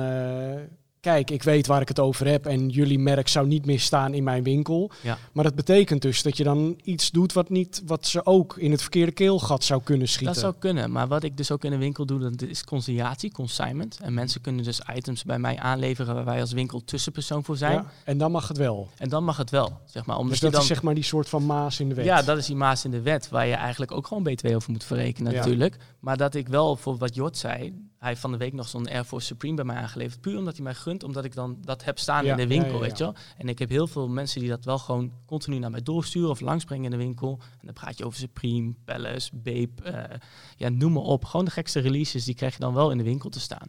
En dat is, dat is gewoon leuk, want dat is waar mijn passie vandaan komt. En dat ik denk, oh ja, dat is mijn maat, oké, check voor mij, weet je wel. dat kost je wel weer geld in de portemonnee. Maar ja, uiteindelijk is het wel, wel weer leuk meenemen, zeg maar. En ben je soms ook wel eens verbaasd van iets wat het in Deventer heel goed doet? Dat je dacht van, eh, hè, wat gek dat het hier zo goed gaat. Ja, ja, dat wat ik al zei, dat met het Karhu, dat is toch een merk wat niet namaakt. En dat is wel een merk wat gewoon een eigen heritage heeft. Dat gewoon echt een toonaangevend hardloopmerk in de jaren 90 was. En dat is nu online, maar offline in de winkel is dat gewoon echt booming. En je hebt een tijdje die, die fases. Ik heb ook wel die Ronnie Fike releases op Sneakness daar is, eh, destijds Ja. allemaal samples van verkocht. En dat is echt Dat wil ik straks nog wel even van je weten. Hoe je aan al die Essex samples kwam. Oh ja, dat kan ik je rustig vertellen, Ja. want dat is nu toch allemaal achterwege. Er zijn heel veel mensen die, die dachten van, hé, hey, hoe komt hij daaraan? Is wel een leuk verhaal op zich. Maar wat ik wou zeggen, Essex is eigenlijk zeg maar ook een tijdje fase geweest dat iedereen dat wou hebben. En wat ik nu merk is dat die Essex-klant die stapt ook over op dat kou. Weet je, wel, en dat, dat is toch vernieuwend. Het is origineel, het is goede kwaliteit. Ja. en de goede shape, wat ik dan Ja. weer waardeer, zeg maar. En eh, het is ook het merk, dat moet ik eh, complimenten naar Remco, bij de Remco van, eh, die zaten is bij Essex. Die hebben dit merk naar Nederland gebracht. Ehm, die melken het merk niet uit. Wat je destijds zag met Bjorn Borg, bijvoorbeeld met die boxershorts. Hoor je nou nog iemand over Bjorn Borg? Volgens mij niet. Maar hun eh, brengen het zo, één retailer per stad of hooguit twee. En ook geen ketens, alleen de Beversport hebben ze nou een pilot mee, omdat ze een soort een outdoor merk willen Mhm. neerzetten. Maar die weten gewoon, we zijn voor de lange termijn bezig en we gaan niet een merk uit, eh, uitmelken, zeg maar. En dat is wat ik echt waardeer, waar hun ook gewoon snappen hoe die sneaker game in elkaar zit. En ik zag het destijds, vijf jaar geleden volgens mij bij Kanye West in één keer aan de voet. Dacht ik, wat heeft hij aan? Weet je wel, want iedereen kijkt toch naar hem, weet je wel. Iedereen heeft een boegbeeld. Nou, Mhm. Kanye, net zoals David heeft dat ook, David de Ruiter. Ja, voor mij is Kanye ook echt wel, weet je wel, daar. Maar ja, dat is toch dat je denkt van, wat is dat eigenlijk? Ben ik gaan verdiepen, heb ik notabene de eigenaar uit Italië in de winkel gehad om de winkel te screenen. Van, waar, ja, wat doe je, social media, bla bla. En die zei, ja, is goed, check, let's go. En zei hij dan ook nog dingen van, eh, ja, oké, de deal is bijna rond, maar je moet wel dit aanpassen. Nee, eigenlijk niet. Hij eh, zei dat me de winkel heel goed aansloot eh, met assortiment en eh, bij zijn merk. En Remco, eh, Remco Korf was ook mee. Mhm. En ja, die guys weten gewoon waar ze over praten. En als ik die ook aan de lijn heb, ja, dan hoef ik niet te vertellen over hoe een shape in elkaar steekt Nee. of wat dan ook, of een release. En ze doen het ook leuk, weet je. Er komen elke keer nieuwe releases. Het is niet in één keer. En Ja. ze gaan echt mee in die vibe van nu. Dus eh, ja, heel tof merk om in de gaten te houden. Wa- Wat wilde jij weten? Eh, waar zij destijds alle Essex-samples vandaan eh, Ja. hadden. Want ze hadden echt hele toffe dingen. Ja, we hebben echt hele gekke En ik dingen weet zelfs dat de mensen bij Essex zich ook heel erg hard afvroegen van... Ja. Hoe dan? Ik zal je vertellen hoe dat komt. Eh, wij hadden altijd al een contactpersoon, Karsten. Karsten, en hij zit inmiddels, eh, hij is, destijds zat hij bij Essex, was hij Ja. first colorway designer bij Essex. Dus hij bepaalt welke kleuren op packs uitkomen, voor de mensen die niet weten wat voor functie dat is. Ja. En hij werd eh, overgehaald naar Nike, in Hilversum in eerste instantie. Ging volgens mij de lifestyle account, deed Ja, hij daar klopt. volgens mij. En Tegenwoordig zit hij in Amerika. ja, hij heeft op een gegeven moment al zijn switch gemaakt naar Portland. Daar Ja. woont hij nou ook. Maar ehm, toen de tijd ging ik gewoon naar Amsterdam, naar, hem, naar zijn huis. Want hij zei, ja, ik ga die switch van Essex naar Nike. Ik kan geen Essex meer Nee, ik dragen kan op de meer dragen, headquarters ja. in Hilversum. dus toen zei hij van, kunnen jullie langskomen? Want wij hadden al, ja, we weten gewoon, je moet die gast een beetje paaien. Want je weet wat hij eh, gaat doen, zeg maar. En wat hij heel slim deed, hij heeft nooit bonussen gehad in zijn werk. Iedereen krijgt wel bonus over een dertiende maand. Maar hij pakte altijd op sample sales zijn eigen gemaakte schoenen. Deed hij een eigen doos, schreef hij ervoor op welk jaar en welke samples het waren. En dan hield hij het gewoon, had hij aparte sneakerkamer. Dus wij komen op een gegeven moment in Amsterdam op drie of vier hoog. Maar dit klinkt als een, als een droom, Fata Morgana. Ja, ja, maar dat is wel wat je doet, zeg maar. Wat je, je continu zoek je naar die collectors die iets wegdoen omdat Ja. ze een kasso hebben of een kleine krijgen of noem maar wat. Hoe wij inkochten. En eh, wij kwamen bij Karsten thuis en zijn vriendin was er ook. En die zei, oh ja, daar is de sneakerkamer. En wij gaan met hem mee.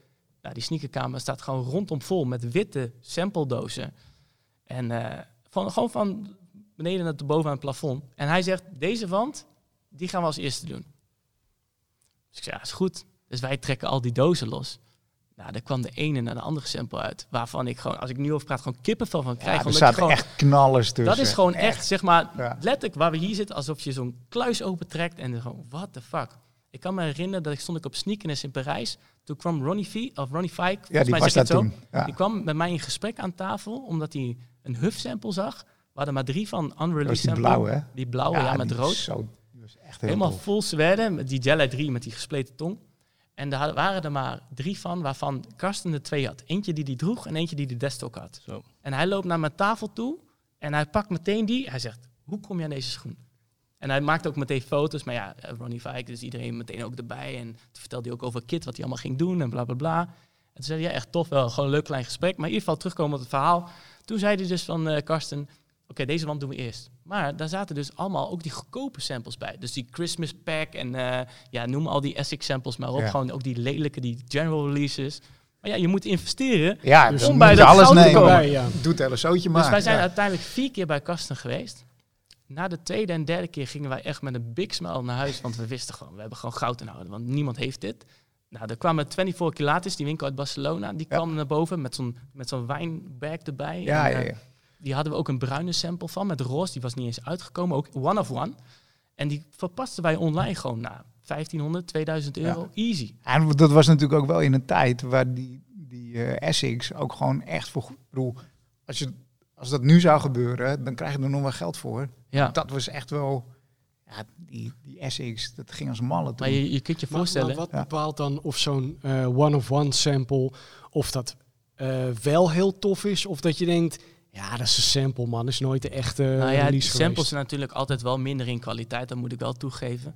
Maar er zitten gewoon kaartjes aan waar je gewoon alle nummers, artikelnummers en ziet staan. En dat het gewoon echt een one-of-one is. Of soms een stempel aan de binnenkant van de tong. En Eh, ja, Het, het tofste is natuurlijk als het een veel toffere versie is Ja. als dat Ah, wat ja. is En uitgekomen. En, dat ja. gebeurt Dat gebeurt dus ook. af eh, en toe wel, weet je Ja, dat wel. was dus ook met die Huff, waar wij dan de twee van de... Ja, die andere derde had een ander Essex-lid, een jonge Ja. gast, ik weet niet meer zijn naam. Maar die heeft hem uiteindelijk ook daar via het hoofdkantoor weggetrokken, geloof ik. Maar wij kwamen dus bij die vierde wand aan. Ja, toen kwam je dus bij die Heat. Waaronder dus net die Essex Saga Pata release was geweest.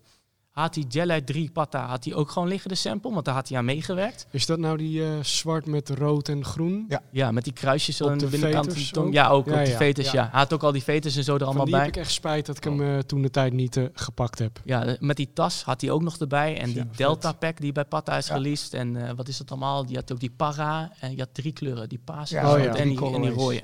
Nou, die tijd was zeg maar net Essex ook gaande. Dus wij kwamen bij die vierde wand. We kwamen Saga Pata samples tegen met zebra, ponyhaar en eh, weet ik wel, allemaal andere dingen. Betere shape en Mhm. Woei eh Jelly 3 release. Daarna heeft hij nog die andere gehad, die vond ik persoonlijk minder. Ja. Maar Woei kwam toch wel met zijn nieuw kleurenpalet. eh, palet. Maar toen wij dus op de beurs kwamen in Roest, Amsterdam, Ja. hadden wij die, die shit eigenlijk voor het eerst staan. Ja, het is zo, echt zo. En dat is dus wat ik bedoel te Die zeggen. foto's die gebruik ik nog steeds wel eens Ja, online, ja. weet je. Dat je dan gaan, mensen ziet. gaan er nog steeds hard op. Ja. Gewoon. Wat ik is kreeg nog eh, herinnering dat het ook vijf jaar geleden Ja. was, volgens mij of zo. Maar toen kreeg ik dus eerst Tim aan tafel. Die zei, hé, kom je in die patta dan, weet je wel? En eh, Edson wel. En eh, volgens mij liep Guido ook wel. Allemaal, iedereen loopt daar in Amsterdam natuurlijk. En op een gegeven moment kreeg ik een heel Essex-team voor mijn tafel. Ja. En, er kwam, en Remco stond daar ook tussen. Dus daar ken ik Remco van Kou van. En die begon tegen mij... Hey, wat dit? is hier aan de hand? ik zei, hey, Ik ga geld niet- in de parkeermeter ja, gooien. weet je wel, het is een lang verhaal, ik weet Ja. het. Maar dat is het mooie eraan. En toen zei ik tegen hem, ja luister, wij hebben, ik kan dat, toen de tijd kon ik dat niet zeggen, want inmiddels Nee. al die samples zijn al verkocht.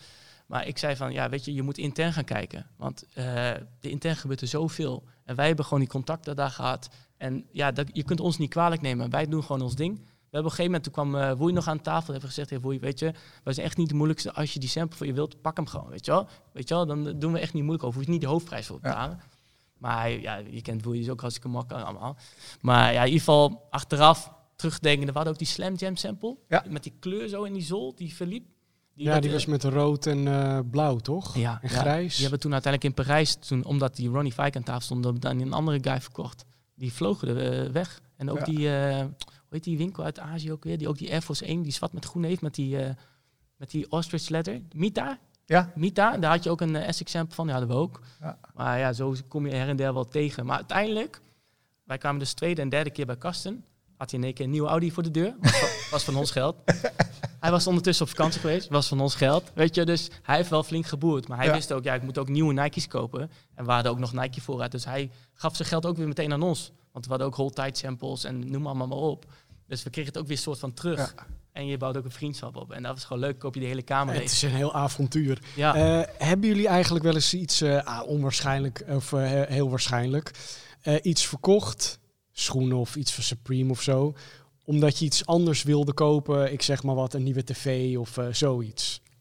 iets anders dan schoenen bedoel ik. Ja, Ik ben wel benieuwd naar Jot. Iets anders dan schoenen verkocht. Ja. dus dat je iets ging verkopen van schoenen Supreme of verkocht? schoenen, ja. Om iets Streetwear anders dan, verkocht. dan ja schoenen om te iets kopen. anders dan streetwear te kopen. Ja, wel het een en ander. Eh, maar ik zit even heel diep na te denken hoor, jongens. Want ik, ik, ik hou dat geld altijd wel bij me, zeg maar. Het is niet dat ik het uitgeef aan, aan, aan een raar iets. Maar ik, ik, ik, ik, ik denk dat het een... Ja, dat is wel een heel dom verhaal eigenlijk. een heel mooi verhaal voor jullie. Ehm, weet je nog die collab met Union en die Jordans? Die, eh, die, die, zeg maar, die Royal Toe had je? Of nee? Die, ja, die doos staat daar. ja, die Black Toe. Ja. En eh, ja, dat was dus het mooie. Eh, Ze released volgens mij in december, twee jaar terug uit mijn hoofd. En ehm, ik zat achter de laptop klaar met mijn laptopje op schoot. Ik zeg tegen die vriend van mij uit Amsterdam, ik pak ze wel, welke maat moet jij hebben? Dus ik, ik zei ook echt zo van dat het heel makkelijk ging. Maar dat sloeg nergens op, want heel die site lag plat. Eindstand, die schoen gaat nu denk ik voor 1700 en ik heb hem verkocht voor 420 euro. Zodat ik eh, zeg maar ja, twee gratis vliegtickets had eh, om met mijn eh, toen vriendin zeg maar op vakantie te kunnen gaan. Waar ging de vakantie heen? Dat weet ik zelf. Volgens mij was dat nou Nice of zo, denk ik. Salau, Mallorca. Nee. nee, dus dat was, ja. Maar dat zijn van die, van die stomme dingetjes. Want als je dat vooraf, zeg maar, weet, dan zou je dat natuurlijk Ja, nooit precies. Je doen. hebt geen glazen bol. Absoluut niet. Ik heb ook echt een tijd eh, lage SB Dunks verkocht. Ja. Die raakte ik aan een straatsteen en niet kwijt. Ja, en toen had je eigenlijk alleen nog eBay. Ja. Ja. En Ja. ik heb echt SB's verkocht dat ik nu denk, oh my god. Ik Ja. ga het niet eens meer Nee, opzoeken. ik- want ik niet meer naar het kijken. Daar word je misselijk van. Ja, dat is gewoon huilen. Maar, eh, toen, toen was eh, huilen. Travis Scott was er toen nog niet. Precies, Nee, ja. onder andere. Ja. Ja, Ja. zo gebeurt dat. die stussie, heb je die stussie gehad, die bruine? Die met roze? Ja, zeker. Die eh, heb je die nu cherries. staat? Ja. Heb je hem nog? Nee. Die is zo van, Oh, joh. ja, en die heb ik mede verkocht omdat eh, ik heb eh, met SB eh, 8,5 en die had ik in een 9. En dat irriteert me dan toch. Ja. ik heb daar nog wel een mooi aansluitend verhaal op. Ik was dus bij Karsten de doos aan het inladen, de tweede of derde keer. En er komt een meisje naar buiten die op gewoon de begaande grond woonde in datzelfde pand. En zij zegt, wat zijn jullie aan het doen? Ik zeg, ja, ik heb net schoenen gekocht. Ja, ik heb nog een paardje liggen. Ja, dit geloof je niet, toch? Ze zegt, ja, ik heb hem bij de release. Ik weet uiteindelijk niet meer welke, welke klant ze zei. Maar ik heb hem bij de release gekocht. Ik werk zelf bij Foodlocker en eh, ja, ik draag hem eigenlijk niet. Maar hij mag alleen weg voor een mooie prijs. Ja, weet je, je denkt zo'n meisje, denk- wat, eh, wat- Wat weet jij nou dus van? zij pakt op een gegeven moment pakt ze zo'n grijze SB-doos erbij, toch? Dus ik dacht, nou, dat, dat moet wel wat moois zijn. Haalt ze gewoon maat 7, mijn maat, die wat de dunk eruit. Dus ik zeg meteen tegen haar, wat moet je ervoor hebben? Dus jij zegt, dat is niet zo'n bijzonder paar. Weet Ja, je ja. wat? 100 100 euro. euro. Nou ja, dat doe je niet, want wij zaten al helemaal in die euforie van die, van die Ah. Carson's samples. En eh, zij zegt tegen mij, eh, ja, eh, is goed, 600 euro. Oh. Dus ik zeg, nou ja, oké, prima, tik ik af, want we hadden toch het cash bij ons. Die heb ik uiteindelijk aan een Chinese guy in China, volgens mij verkocht voor 1000 euro, kan ik me herinneren. Meteen echt een week daarna, dus je pakt 400 euro. Als je ziet wat die schoen nou doet, net zoals Mm. die Parijs Dunk, want die was nu voor 50.000 op stok Ja, dat verkocht, zag ik, nergens de over. last sale. Ja. Dat zag ik voorbij komen, Iska. De- Maar weet je, dan ook wat Jort zegt, op een gegeven moment heb je daar ook peace mee, weet je. Dan is het Ja. gewoon oké. Maar op, op het moment van deze opname, wat deed die eh, schoen toen? Die dunk? Ja, er ging die rond de 1000, 1200 zeg maar. Ja, dus ik kan hem voor 1000 had ik hem shipped volgens mij verkocht. Ja. Ja, en ik baalde dat ik hem niet meer heb, omdat het mijn eigen maat was. Ook omdat ik gewoon heel tof vond. Maar wacht even. je- Oh, wat hij nu doet? Ja, precies. Ja, oh, dat weet ik niet. Dan zal je StockX moeten kijken. Maar ik denk dat hij wel 4, 5 aantikt. Ja, Ja, ja. Easy. niet meer naar kijken. Nee, niet meer Ik vind het altijd mooi, met dit soort gesprekken krijgen we dan bij de comments dat mensen gaan zeggen... Echt niet, die schoen kost helemaal niet dat. Ja, op het moment van opname kostte die dan dus ongeveer dat. Ja, maar ja, weet je. Want als je over vijf jaar deze aflevering kijkt, dan is dan hij kloppen nog die meer. bedragen Ja, natuurlijk ja. niet meer. Nee. Of, of, of natuurlijk gewoon 200 euro weer natuurlijk. Dat zou ook mooi zijn, hè? Zou kunnen, Dat ja. zou wel vet ja, zijn dat zou wel geniaal zijn. Maar ik hoop niet dat ze Nee, die dat retro, want dan gaat de charme ook van schoenen af. Weet je, dat doet Nike ook vaak. Dan denk ik, ja, dat moet ik beter niet doen. Maar goed, eh ieder zo zijn winst, zeg ik me altijd. Het is een beetje geven en nemen in de cultuur. Soms win je wat, soms verlies je wat. Jij hebt wel eens wat verkocht. Ik heb hartstikke veel verkocht. En, en wat heb je daar dan meegekocht? Eh, andere schoenen vooral. Toch Ja. wel schoenen dan? Ja, Niet een keer omdat je een aanbouw eh, had in de tuin, nee. nieuwe tv, Nee. Blu-ray Nee, ik heb eh, eigenlijk altijd schoenen voor James teruggekocht. Bond. Nee. Blu-ray pakket. Nee, ja, ik, ik- nee, ik, ben, ik ben even aan het denken, maar ik kan me niet herinneren dat ik daar nou hele gekke dingen mee heb gedaan. Meestal was het gewoon om plaats te maken voor, voor een nieuwe schoenen. Ja. Ja, beetje saai. Is saai ook het beste. Nou, dat Is ook het beste eigenlijk, toch? ja. Ja. Eh, we maken plaats voor nieuwe schoenen, want eh, ik heb jullie gevraagd om iets mee te nemen. Nou, eh, Jort, begin jij. Wat zit er in je, in je doos? Nou, wat zit er in Zit mijn doos? Wat zit er in mijn doos? Eh, ja, het is natuurlijk gewoon een Air Force 1 doos. En dan denk je van, huh, Air Force 1, wat, wat kan het nou voor speciaal iets zijn? Ehm, het is ook niet heel erg speciaal, maar het is gewoon wel mijn schoen, zeg maar. Mijn schoen. Ik claim hem ook bij deze. Het is mijn schoen.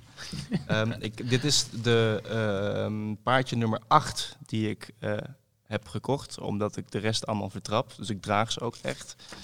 En eh, ik heb hem ooit een keer gementiond volgens jou, vol- volgens mij op een Instagram, zeg maar. Top 3. Ja, klopt ja. de acroniem.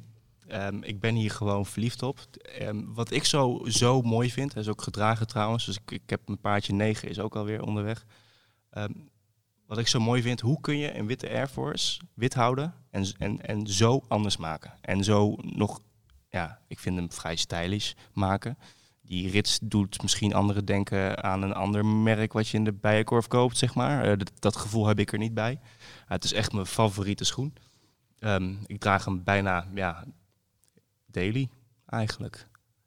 Witte Air Force. En van de dingen die erop gebeuren, wat, wat is dan je favoriete onderdeel? Is dat de rits, eh, de achterkant? Ehm, nou, voornamelijk toch wel de rits. Eh, al moet ik zeggen dat die vrij snel verkleurt. Dus die wordt altijd een beetje gelig. Uh, maar de achterkant is, is, is inderdaad iets ander hè? materiaal. Ja. Hij gaat over van leder. Nou ja, wat is dit eigenlijk? Een soort plastic is het denk ik gewoon. Hè? Ja, ik weet niet wat voor Het materiaal. is plastic, denk ik. Maar het is gewoon zo'n zieke schoen. Eh, ik wist dan wel dat ik de kans kreeg om hem toen met de release dag te, te kopen. En volgens mij was, was, was retail 220 euro. En ik denk, hallo voor een Air Force, weet je wel. dat, is veel normaal. geld. Ja. En ik had hem. En ja, ik liep hem kapot in drie maanden. En toen nog één. En toen, nog één. Ik heb er zelfs eentje per ongeluk de verkeerde weggegooid. Dus de nieuwe die ik nog had in doos, die heb ik in de prullenbak gegooid. En toen dacht ik, shit, dat was eigenlijk mijn nieuwste paardje om te rocken. Maar ik vind het gewoon zo'n clean model. Ja, ik weet niet. Iedereen die mij kent, zeg maar, op Facebook, Instagram, die weet ook, dit is de Jort schoen. Gewoon, dat moet gewoon nu. Ik claim hem. Bij deze. Dat is mijn patta. Ik moet ook zeggen, ik heb een eh, paar eh, infrareds. En eh, die zijn nog helemaal niet zo heel oud en zien er nog echt heel goed uit. Maar ik heb begrepen dat in 2020, dit jaar, ze gerereleased worden. Mhm. En toen dacht ik, ah, dat vind ik toch wel mooi als dat jaartal in het labeltje staat. Ja. Dus dat is soort van de reden, of niet soort van, de reden dat ik hem dan toch nog maar ga kopen. Ja. Is dat herkenbaar? Of zeg je dit Ja. heel sneu? Het is toch wat ik al zei, weet je, met die retro's. Ze verzinnen elke keer wel een reden dat je denkt, ja kak, ik moet hem gewoon hebben. Ja. Ja. Hoe je het wil- went of verkeerd. eh, soms haat je Nike, maar dan denk je ook wel, ja, ik haat ook dat ik van je hou omdat ik het moet kopen. Ja. Weet je wel. Ja, zo, De zo eeuwige.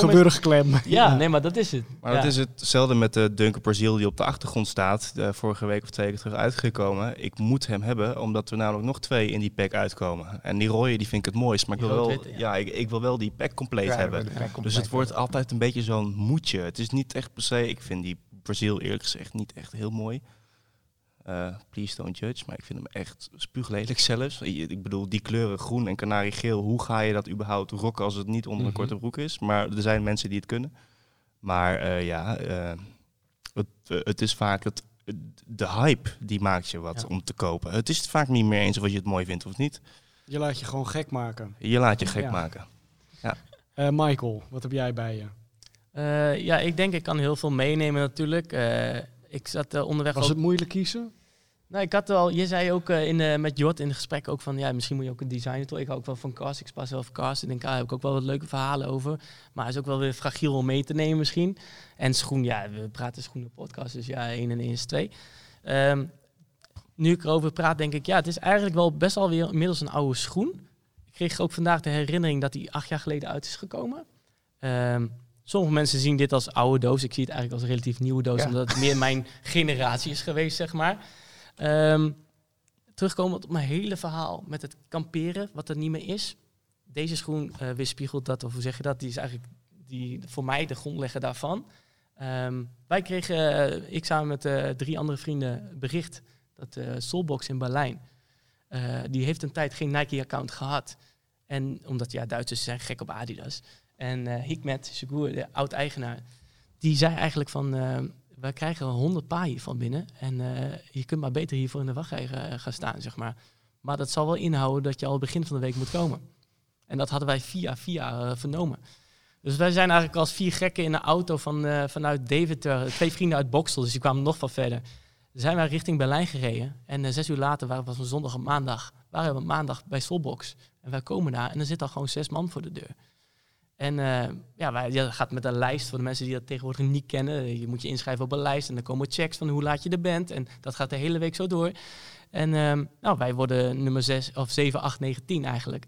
En wachten daar de hele week in Berlijn. Ook slapen s'nachts in de auto of buiten op straat tegen de winkel aan. En hele gezellige community. Uiteindelijk zat er binnen drie dagen 100 man voor de deur. Ook, een- ja, niet iedereen kreeg ook zijn maat waarschijnlijk. En ehm, ja, toen zaterdag dat moment aanbrak dat, dat het zover was, dan was het wel voor mij eh, ook kippenvel. Ehm, ik heb ze dus voor retail gehaald. Veel mensen die hebben er ook eh, voor, de, voor veel mensen een holy grail eigenlijk. Eh, ik heb de originele bonden nog bij. 260 euro heb ik betaald bij Soulbox in Berlijn. Ehm, er zit een apart tasje bij, een dustbag, wat sommige speciale schoenen ook wel hebben, met andere leestips. Maar dit is de Yeezy 2. Eh, Solar Red, mooi klein maatje, ik heb maat 7. Dit is wel top hoor. Clone Dark Soul, je ziet dat ik hem gewoon gedragen heb. Onder Mhm. andere naar sneakers droeg ik Ja. hem vaak. eh, want je, je wil toch die shine pakken. Eh, iedereen trekt... eh, ik heb je ook zo gekke dingen gezien. Maar eh, ja, het nadeel van deze schoen is wel... Dit, wat ook die Sean heeft. Dit materiaal is zo soepel, zo glad... Mhm. dat die size tag, als je hem draagt... door de warmte gewoon eraf glijdt. dus ik heb die size tags ook gewoon los. Die zit gewoon los in. Ja, Dat meen je. maar ja, dit is wel een schoen waarvan ik denk, heel erg vernieuwend. Wederom Kanye West.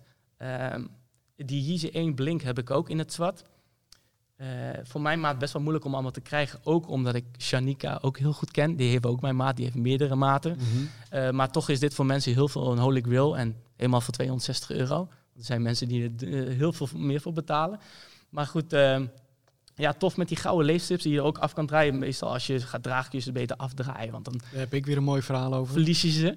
Ik ben er dus één kwijt. Ja, nee, dat bedoel ik. Want je hebt ze hier aan die, aan die dasperk heb je ze wel zitten. nee, laat me mooi liggen. Maar dit is wel een schoen die, als ik hem ooit stel dat je geld nodig hebt, echt met pijn in mijn hart weg zou moeten doen. Niet dat ik het nodig heb, maar dat je wel denkt, boah, weet je wel. En eh, ook, ja, waar gaan ze nu? 2,5, 3, 4 kop voor? Gebruikt ook, zeg maar. Gedragen, ja. Ja? Ja, Wauw, gaat wel 4,5, gebruikt voor mij. 5. Maar eh, ja, het maatje 7 is ook wel zeldzaam. En ik kan me een foto herinneren van Hikmet. Hij postte van de week met Ik heb hem die... laatst voorbij zien komen. Met die. Ben Druggies, dat Ja. hij daar aan het eten was, dat allemaal haatcomments gaan. Ik ging Ja. helemaal stuk erom, want ik ken Hikmet een beetje. En hij was destijds, had hij gewoon die schoenen mee naar huis genomen. Allemaal kleine maatjes ook toevallig. Misschien lag deze ook. Ging hij in een bad zitten, vol Ja. met Yeezys. En dat is een hele bekende, beruchte foto. Maar wat hij had gedaan, hij had dus een collab gedaan met Warsteiner. Waardoor hij eigenlijk die, die colorway had hij ook met die witte, maar die witte kreeg niet. Hij kreeg alleen die honderd paar van die zwarte. En ja, that, that shit dat was that beer cray had hij erop gezet. En die kreeg iedereen gewoon met, eh, met de release, Ja, zeg met de maar. release. Dus ja. ik heb die ook bewaard, gewoon allebei de kleuren. En natuurlijk ook opgedronken. Maar eh, daar had hij gewoon een heel pallet voor de deur neergezet. Van ja, hier jongens, bedankt voor het wachten. En eh, ja, veel plezier ermee. Om dan weer terug te komen bij die eh, Ben Jerry Friends and Family release. Ik moet wel zeggen, dit soort dingen vind ik wel altijd echt heel leuk erbij. Daar ben ik wel super gevoelig voor. En dat ze bij een, een, een ijsdunk release een schoenlepel doen. Ja. Ja, Ja, vind ik er echt. is over nagedacht. ja, ja. En een tote bag en dat soort dingetjes. Dat maakt het gewoon allemaal Ja, die dozen. voor de verzamelaar het- ja, echt zeker. eh, net, net even dat extra het is alleen wat lastige stokken, zeg maar, als Ja. je het moet wegstekken in je in Maar collectie. die doos zelf is heel fragiel, hè? Eigenlijk Ja. weer van die Ben Jerry's. Ja. Dus dat is Ja. wel wat minder. Hadden ze misschien moeten plastificeren of zo. Ik weet het niet. Maar Maar ja, terugkomend op dat verhaal. Ja, dit is wel uniek. Als je zes dagen slaapt voor een schoen. En in het begin, mensen verklaarden mij voor gek. Want die schoen, ik heb toen nog zelfs, nadat de zaterdag paardjes uitkwamen, mensen nog 500 euro geboden. Meteen het Mhm. dubbele, zeg maar. Van, joh, ik tik hem meteen af. Ja. Niemand deed hem weg. Maar toen ging hij volgens mij op eBay voor 1000. Maar dat komt puur, dat zie je vaak als een retailprijs hoog is. Dan is de schoen vaak ook resell hoog. Ja. Wat met die Ben Jerry of eh, Jerry hier bijvoorbeeld niet is. Maar deze is in de loop van de jaren gewoon echt gestegen. Alleen, ja, ik ben wel een type collector die wel alles draagt. Ik heb één schoen die is niet gedragen, is die Jordan Cast. Die, eh, Ja. Ja. die, die grijze, maar dat komt omdat die midsole is Zweden. En ja, dat ben Is ik dat toch zo? Ja, die midsole, niet dat is vrij uniek voor een Jordan. Ja. Die is helemaal van Zweden. En ja, wat ik al zei, ik ben zelf cast collector. Dus dan, dan denk je ook van, oeh, dat is wel Ja, dat is Ja, toch meer een soort van museumstuk of ja, zo. weet je meer, dan, kijk, dan pak je hem een keer Ja. uit de doos en dan kijk je daarna en dan zet je hem weer terug. Maar eh, Wat, wat vind je aan deze schoen het mooist? Eh, ik denk de combinatie eigenlijk van eh Python leer hier Ja. En eh, ik moet ook zeggen, op de release zelf gaf Hik met mij een eentje met een verkeerde swoosh. Die swoosh was niet goed, was damaged. Dus ik zei, joh, ik moet een nieuw paardje. Toen heb ik een goed paardje uitgezocht, want dat doe je ook. En dat vinden ze allemaal prima. Ja, en die achterkant is vrij uniek. Ook Ja. als je kijkt naar alle silhouetten die Kanye brengt, het is altijd vernieuwend in de markt. De, de nek van Kanye. hè? De nek Hoe van Kanye, ja, die, die, eh, die van komen. Nee, maar ja, dat is, en ja, het is gewoon natuurlijk ook een opbouw met die Assault Soul, weet je wel, en die Glow in the Dark. Ja. En het is een mix van meerdere schoenen in één, maar toch vernieuwend. En ja, ik heb een, ik heb een lichte eh voordeel, eh, zeg je, bij die, eh, bij die strap. Ja. Die Yeezy 1 Blink is nog mooi, want die is helemaal gedetailleerd. Ja, die heb jij ook toch? Ja. Maar hoe ben je daar aangekomen? Eh, die heb ik dus toevallig bij Woei gekocht. Nee joh. Van een werknemer die ze wegdeed. Roberto. Ja, Ja? Oké. dus dat was eh, leuk. Draai die leestip er weer op, want eh, Ja, dan heel ben ik kwijt aan jou zeker, ja. Eh, je bedient me overigens op mijn wenken, want je noemt als een van de mooiste onderdelen het Python eh, leer erop. Eh, nou zijn we bij het onderdeel beland, bijna bij het einde. we gaan deze, dit seizoen dus een Air Max 1 maken. Eh, eh, elke gast die mag een onderdeel uitkiezen en zeggen welke kleur en welk materiaal dat moet worden. Vijs Bespokes gaat die schoen uiteindelijk maken en jij kan hem winnen. We zijn al een heel end. Ehm, maar voor de coronacrisis, toen vroeg ik nog aan eh, David van Mercer, die er de vorige aflevering bij zat, kies jij ook maar een onderdeel uit. Hij heeft een onderdeel uitgekozen, namelijk het bovenste stuk aan de buitenkant wat bij je enkel zit. En hij heeft zich daardoor laten inspireren Oh, kijk aan. door deze Yeezy. Ja. Wauw. Helaas nooit uitgebracht. Er zijn wel een paar mensen die hem hebben, volgens mij. Of één, LeBron. Heeft LeBron deze niet? Of een basketballer? Ja, ja. ja, want volgens mij wordt deze al, heeft hij als bijnaam Kobe. Ja, ja, ja, maar volgens mij is hij niet meer van Kobe. Volgens mij is hij wel rond in de cultuur. Maar eh, ja, het is ook echt een, een hele slechte foto die iemand eh, een paar jaar geleden met zijn telefoon heeft gemaakt. ja. Gemaakt met excuses een aardappel. Ja, precies. Maar je moet ook maar net die maat ook hebben. Maar wat vind je van de colorway? Ja, helemaal niks. Nee, echt? Nee. nee. Oh, toen ik deze zag, dacht ik echt, ja, hier Keihard. worden tenminste weer kleuren bij, samengevoegd die je niet snel verwacht. Ja, oké, eens. Alleen, ja, als je kijkt naar dit, is van misschien, ik had wat meer van gangbaarheid. En ik vind dat too much eh clown idee, zeg maar, mijn Ja. voeten, zeg maar. En daar dan, ja, terugkomen zo op het verhaal met die MX1, dan probeer je hem ook wel weer te, te rustig te brengen, dat hij ook gangbaar Ja, is. ja. Maar dat, is- dat horen de, de kijkers zo wel. Maar nee, dit vind ik iets too much voor mij. Ja. Ik vind dat paarse juist wel e- echt, echt wel, echt wel dope hoor. Dat ik ook, echt man. keihard. En waar ik ook trouwens Ja. nog wel benieuwd naar ben, Kanye heeft gewoon gezegd dat hij oké vindt dat hij opnieuw geretrod gaat worden. En het is niet dat ik het niet erg vind, maar ik zou het wel zonde vinden. Ja, ik ook, man. Ik zou het toch mooier vinden als dat een beetje een... eh, ja, hoe zeg je dat? Een legende blijft van ruzie, klaar. Gewoon end of era, zeg ja, maar. Ja, ziel eromheen en stoppen. Ja. Maar goed. gaan we zien. Eh, nou moet ik twee plaatjes openen om jullie eh, te laten zien wat de, de status is. Ik ben zo whiskit, jongens. Oké, dus dit was eh, waar we gebleven waren. Ehm, nou, dit is bijvoorbeeld eh, door Jamie uitgekozen. Dat is eh, groen suède. We hebben hier door Pieter van de, de Panthers uit Brussel pony hair. Een beetje cheetah hair wat hier zit. Wit leer aan de achterkant. white mesh op de toebox van Brainpower. Eh, en David mocht dus een onderdeel uitkiezen. Hij liet zich inspireren door het, eh het eh pythonleer, paarse nice. pythonleer. Ja. Dat heeft hij hier geplaatst. Dus dan wordt de actuele status zo. Jij had het net over een clownschoen. Dat is ook ontzettend mijn angst. Ontzettend mijn angst met dit eh, hele project. Want ja, je krijgt natuurlijk zoveel verschillende mensen aan tafel. En de een die denkt misschien van, eh, ja, ik vind de elephant vet, dus er moet kosten wat het kost een elephant print op. Maar ja, je moet ook een beetje rekening houden met wat de voorgangers hebben gedaan.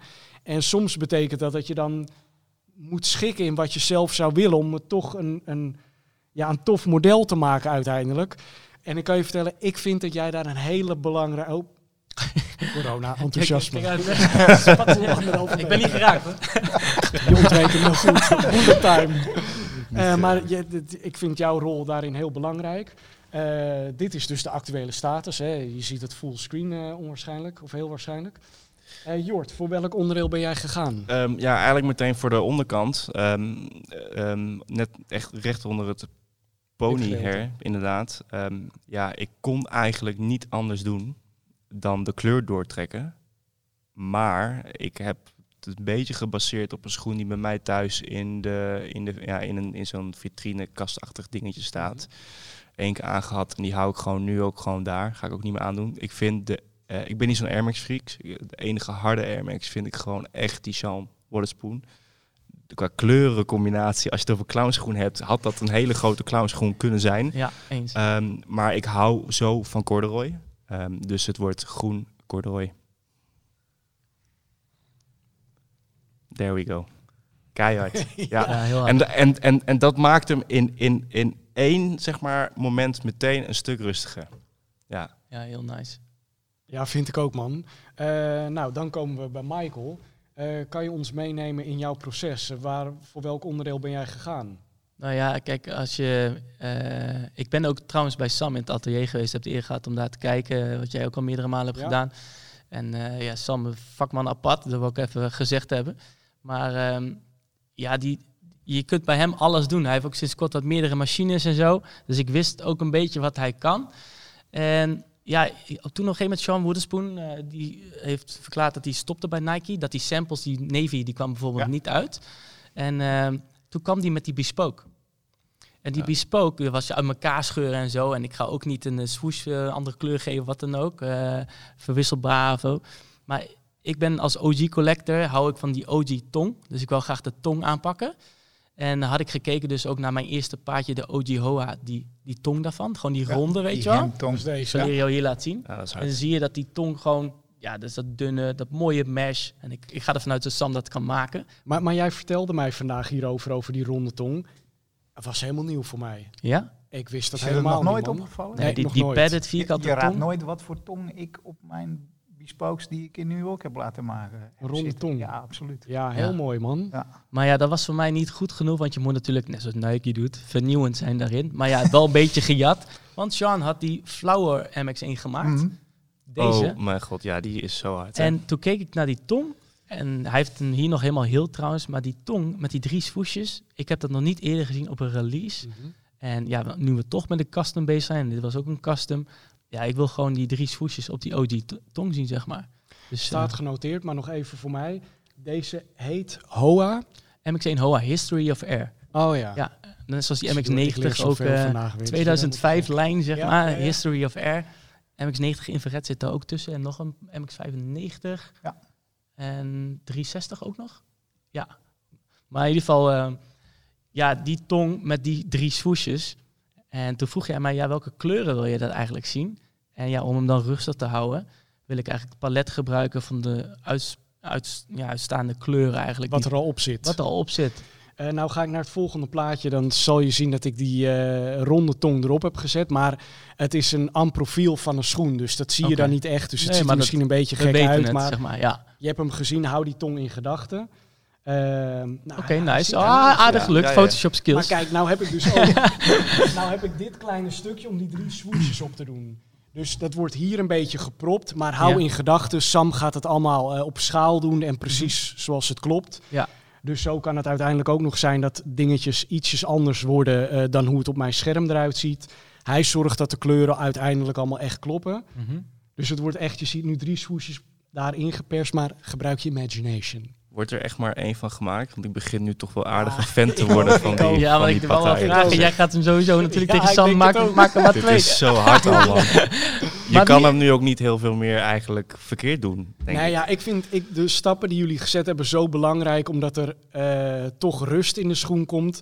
En het is gewoon echt belangrijk om die kleuren hier nog Ja, eens het terug maakt te nog... laten komen. Want in het begin zei iemand, ja, we moeten geen baby op die midcard doen. Toen dacht ik, yo, die, moeten sowieso op. Als iemand en maar dat niemand zegt- heeft die eh baby nog uitgekozen. Hè? Dus kan Oh, ook zijn die kan ook nog in kleur. of wat dan ook. Ja. Want ja, mijn reden... Wie had trouwens die roze swoosh gedaan? Weet je Eh? Melly Mel. Oké, want ja, die had- begon daarmee. Dus toen dacht Ja, iedereen meteen, oh, Oh, ja. Ja, de Ja, is op zich, is op zich goed, knallen. zeg maar.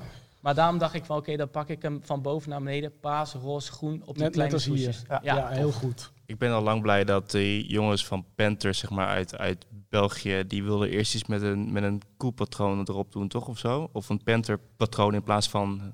Nee, pony ze, ze hair? bedoelde wel met, met zwart ponyhair dat het een beetje is als de vacht van een panter. oh, zo, zoals oké. een Ja, oké, Ja, ja, cool. ja. Nou, ik vind Dus dat een eh, hele dat vette is ook keus. een mooi verhaal, ja. Ja, heel mooi. Nee, heel top. Ik ben er ook eh, erg blij mee, jongens. Eh, ik heb er eh, weer helemaal vertrouwen in. Je hebt het echt allemaal goed bam, in het gereel getrokken. Ja, wat kan, welke onderdelen kunnen mensen de komende we hebben nog eh, de, de onderste sol, de airbubble. Maar goed, daar zijn we natuurlijk wel afhankelijk van wat er al bestaat. Ja. Eh, want die kan Sam niet eh, zelf aanpassen. We hebben hier nog eh, achterop het logo. Of mensen dat zo willen houden. Of een swoosh of Daar heb iets ik ook anders. nog over nagedacht. Maar Eh, niet, stikken, drukken, whatever. Mm. Dat kan nog. We hebben de, de binnenkant nog. Dit eh, tussenstukje. ja. Eh, eigenlijk eh, waar je veters doorheen gaan, ja. wat er omheen zit. Nou, dat, en dan zijn we er wel zo'n En de beetje. vete kleur nog? Ja, en de veters. Maar goed, dat kan natuurlijk redelijk Ja, je eindeloos kan altijd zijn. meerdere Ja. veters erbij doen, Ja. toch? Ja. Nee, nice man. Heel hard. Ehm, ja, nu we het toch over Sean Waterspoon hebben. Zo, Oeh, heftig. Ik weet meteen wat je bedoelt. nou, vertel het maar. Nou ja, die, al die shops die looted zijn. Ik zag eh, gisteren voor het eerst een filmpje voorbij komen. Dat gewoon een hele art gallery met cars gewoon leeggetrokken Ik werd. moest net aan je denken, jij met Ik- je kaasverzameling, Ik die kreeg gast die een hard, zo... eh, hartverzakking gewoon. En ja, ja dat round 2 vintage winkel ook gewoon helemaal leeg. Ook Ja. niet een beetje leeg, nee, gewoon helemaal. En de eigen winkel ook. Maar zijn gallery zit ernaast, daar heb ik niks van gezien. Dus Ja, eh, die- voor de gezien. duidelijkheid, in, in eh, Amerika is er natuurlijk een agent geweest die veel te lang op iemands nek heeft gezeten. Die is overleden, de rellen zijn uitgebroken. eh, winkels geplunderd, winkelstraten. Zo. Ik zag filmpjes voorbij komen van een soort mediamarkt waar het alarm al zo lang afging en al zo lang geplunderd was dat nieuwe voorbijgangers nog op hun dode gemakkie naar binnen gingen. Ik zag mensen onherkenbaar gekleed met een cheesecake over straat lopen, omdat ook de Cheesecake Factory geplunderd was. Dus dan Ja, hoe dan? probeer ik het te rijmen van oké, je gaat dus protesteren tegen eh, racisme en discriminatie. En dan, Ja. nou ja, die zijn daar ook niet daarvoor. En dan loop je op je gemak met een cheesecake naar huis. Maar dat terzijde. Nou, ik denk dat er wel zeker eh, een toon moet worden gezet in de wereld op omtrent het, hè, het racisme-verhaal. Eh, absoluut mee eens. Alleen ik zat gisteravond live mee te kijken, of nacht, met, met echt, echt beelden uit Santa Monica, denk ik. Dat een Urban Outfitters werd geplunderd en, en dat de politie ernaast stond, niks doet. Die gaan op een gegeven moment gewoon zeg maar voor de ingang staan van dus de Urban Outfitters. En men denkt gewoon, dan gaan we toch via het raam naar buiten. Dus die breken het raam ja, eruit. Mensen zitten onder glasscherven, maar pakken nog wel nog zeg maar hun hoopje mee van kleding wat ze hebben. Ja, ik vind het voornamelijk voor eigenlijk elke winkelier, maar ook elk mens dat hierdoor getroffen wordt. Want het heeft natuurlijk een, een, een oorzaak en laten we dat niet vergeten. Eh, vind ik gewoon heel erg. En, en ja, hier in Nederland eh, mogen we hopen dat het eh, rustig blijft. Ja, want wat Sean Waterspoon betreft, zijn winkel is echt werkelijk waar helemaal leeg. Helemaal leeg. Ja, Alles ook is in weg. eh, de, zijn eerste winkel ook. Helemaal Ja. leeg. Als je Ja. dat ziet, dat is Ja, dat ongelooflijk. klopt. Zie eerste winkel. Ja, Maar ik hoorde dat eh, hij gaat die winkel niet meer eh, geen nieuw leven inblazen daar. Dus dat heb ik ook gelezen, ja. ja. Ik denk dat je daar als collector op een gegeven moment ook wel bedoel, er is zoveel, want men denkt het zijn schoentjes die uit zijn, maar dat is, daar hangt zoveel aan, ja, ja eh, dingetjes waar je veel liefde voor, voor Ja, dat voelt. Of, of gebeuren. gebeuren. Ja. Exact. Ik denk dat je dan ook inderdaad, ik denk dat hij thuis met, het, met ja, zijn handen in het haar zit. Eh, van één, hoe ga ik het überhaupt ooit terugkrijgen? En moet ik dit nog wel willen doen? ja, absurd. Dus eh, ik denk dat het echt wel een gemis wordt. En dan ook denkende dat hij al in de coronacrisis zat. Want ik zag ze buiten bij de deur dingen verkopen dat je het kon ophalen wat Ja. je online bestelde. Dus hij heeft al omzetverlies. En dan ook nog een keer dit. En dan denk ik, wauw. Want die gallery die zit er vlak naast. Waar die al die dure voor die, Mhm. voor die celebs heeft staan, zeg maar. Ja. En daar heb ik niks over gezien. Maar Nee, ik mag hopen voor hem dat dat het nog zag oké er wel is. naar uit dat het hele straatje eraan Want het is gewoon middelen op eh, Rosewood of eh, Melrose. Melrose, Melrose ja. Avenue is Ja, dat eh, gaande. Dat ik denk, dat is gewoon de straat in L.A. Hoe kan het? Ja, wat, eh, wat Supreme betreft zag ik wel dat eh, de politiebarricade net ervoor was hè, net voor daar, Supreme. En ik zag bij Supreme in New York waren ze die eh, Bowery helemaal aan het eh, dichttimmeren. Die was al kapot trouwens. Die Oh, gaat echt? ook niet meer open tot. Echt? Ja, die, die, die hebben ze echt gesloopt met bakstenen door de ruiten heen. Of dat ze naar binnen zijn ge- geweest, Zo, weet ik ik niet. dacht nog, nou die zijn op Nee, die gaan. Ze hebben ook aan, aangekondigd, we blijven dicht tot en met eh, ja, FW eh 20. En dus Fall Winter 20. En er komt ook, volgens mij is, het, is de winkel ook helemaal leeg. Maar niet Ja. door plunderaars, denk ik. Maar is wel leeg gehaald. Zoals ook die 2J Kicks uit... eh, Oh, ja, ja. die heeft ook- ja, Urban Necessities heeft heel zijn winkel leeg gehaald uit, voor, Uit voorzorg. voorzorg. Oh, ja. En die gaan ook lang niet open. En dan denk je van... Ja, oké, dus die Supreme op Bowery, die is niet leeg gehaald door plunderingen. nee. Ja, maar gewoon uit voorzorg. Ja, Ja. uit, eh uit Maar het is zo raar, weet je. Het heeft eigenlijk niks met elkaar te maken. Van waarom ga je die winkels leeg plunderen? Ja. Kijk, dat moeten we niet in Nederland eh, hebben. Want we speak staat de hele dam vol, hè. Daar staat er nu netjes geprotesteerd. Maar voor hetzelfde geld... eh, ja, Ja, we mogen het niet oproepen hier. Maar eh, ja, weet je, je, je, waakt er wel voor. Ja. Ik we hebben het recht om boos te zijn, zeg ik altijd. Maar wees wel respectvol toe naar eigenlijk Ja. ieder ander om je heen. Dat is, eh, ja... Eens. Ik vind dat ik er verder ook niks kan en mag over zeggen, eigenlijk. Eh, toch ga ik als eh, laatste eh, oppervlakkige vraag nog aan jullie stellen. Laten we even naar de toekomst kijken en dromen wat streetwear en collectibles eh, betreft. Ja, het is het slechtste bruggetje ooit, mensen. Ik kan er ook niks aan doen. Maar ja, we proberen een beetje positief te eindigen. Eh, zit er nog iets aan te komen, een release die jullie heel graag willen? En dat kan van alles zijn, hè? Dus ook een collectible of eh, een pak vla. Ik, ik heb deze vraag, als ik als eerst mag zeggen, Ja, want ik heb meteen eigenlijk een antwoord. Ik heb hem ooit gekregen van iemand in een livestream op Insta en, en, en, en ik wist het meteen, dus dat ga ik ook ingooien. Ik weet dat Post Malone, de rapper Post Malone, die heeft ooit een samenwerking gedaan met Crocs. Maar het lijkt mij zo keihard als hij een samenwerking gaat doen met Nike. Oh, Ja, Ik- op een Air Force 1. Dus een ik Air dacht Force dat jij 1. naar een krok eh, ging. Ja? Nee, ja, dat, nou, het kan. Als je ziet waar ze voor gaan op StockX, Het word je niet heel eh, vrolijk. Het zal wel tegenstrijdig zijn, omdat Ja. het geen atleet is natuurlijk. Kanye Ja. is ook weggaan omdat het geen atleet is, eh, weet Ja, je. Ja, maar ja. het zal wel tof zijn, daar niet Ja. van. Ik bedoel, Dat is echt wel, dat is echt wel een droomdingetje of zo. Want dat is hetzelfde met die Kit Air Force 1, waar er maar volgens mij tien van waren of zo, die vorige maand uitgegeven zijn met. Raffle. Ja. Oh man, keihard. Ja, Ja, ik man. ben echt Air Force, weet je. Dat is echt wel mijn ding. Maar er was er toch eentje met groene accenten en één met rode accenten. Van de? Van die Kit Air Force. Ja, klopt. Ja. Ja, En eentje was voor eh, COVID-19. ja. En die an- wat was die andere voor release? Eh, dat is volgens mij in Asia only, dacht Oh, ik. ja. In Japan only is dat. En die komt volgens mij nog gewoon uit. Maar die En- andere was een FNF of ja, alleen, Ah ja, en als we even puur naar de kleurencombinatie kijken, welke van de twee eh, heeft je voorkeur? ja, toch wel. Ja, dan laat ik me weer meeslepen door de hype waar de minste van zijn eigenlijk. Want dat is ook een schoen die je niet gaat dragen. Althans, ik niet. Die, die laat je ook weer staan. Maar groen vind ik op een witte Air Force mooier uitkomen dan rood. Ja, ik ook man. Ja. Ik ook. Michael. Ja, ik heb eigenlijk twee in gedachten, waarvan eentje je sowieso niet gaat krijgen. Dat is die Jordan 1 Dior natuurlijk. Dat is wel echt dat je denkt van Zo. die quality en die details daarop. En het is ook uitgesteld nu. En je ziet al dat ze wel een heel schema klaar daar liggen. Dat zie je online wel voorbij Ja, komen. echt eh, janken. Maar wat ik zelf al een tijdje op zit te wachten, is die schoen die ze in Chicago in die gekke autootjes hebben weggegeven. Dat zag je ook bij Round 2 in de series erbij komen. Dat is die Quantum. eh, Van eh Yeezy. ja. Ja. ja, die vind ik wel echt dik ja, en vernieuwend. mooi man. En ik hoor heel, dat zie je vaak bij Yeezy in het begin. Dat was ook met die 700. Dat mensen dan zeggen, oh, is echt lelijk. En dan zie je hem aan de voet. En dan Mm. denk je, poh, ja, die moet ik hebben. En dat heb ik met die schoen. Ook omdat het basketbalschoen is. Maar, zeg maar toch zie je bij eh, Yeezys vaak dat als het om een hoog model gaat, dat het allemaal minder eh, hard gaat. Hè? Dat mensen het toch minder gangbaar vinden. Ja, eens. Maar ja, ik moet zeggen, ik ben van low tops en high tops. Hoor. Kijk, deze staat hier ook natuurlijk op tafel. Maar dat is wel voor mij ook weer dat je zegt van, hey, is vernieuwend en ook weer, weer wat anders. Ja, en ik heb het dan natuurlijk over eh, Adidas, ja, niet over de, de Nike's. nee, nee, nee. Maar ja, kijk, ja, de Adidas, als je het praat over 2019, los van Yeezy, wat hebben ze nog meer gehad dan? Oswego? Weet je, ja. Ja, Ja. ik wil geen... eh, Terwijl moet was wel het een vrij, zeggen, vrij pijnlijke exercitie. Ja, weet je wel, los van Yeezy is het toch wel, vind ik het tegenvallen. En als je kijkt Ja. hoe Nike release na release nieuw model dropt, ook met die Sakai, maar ook andere dingen.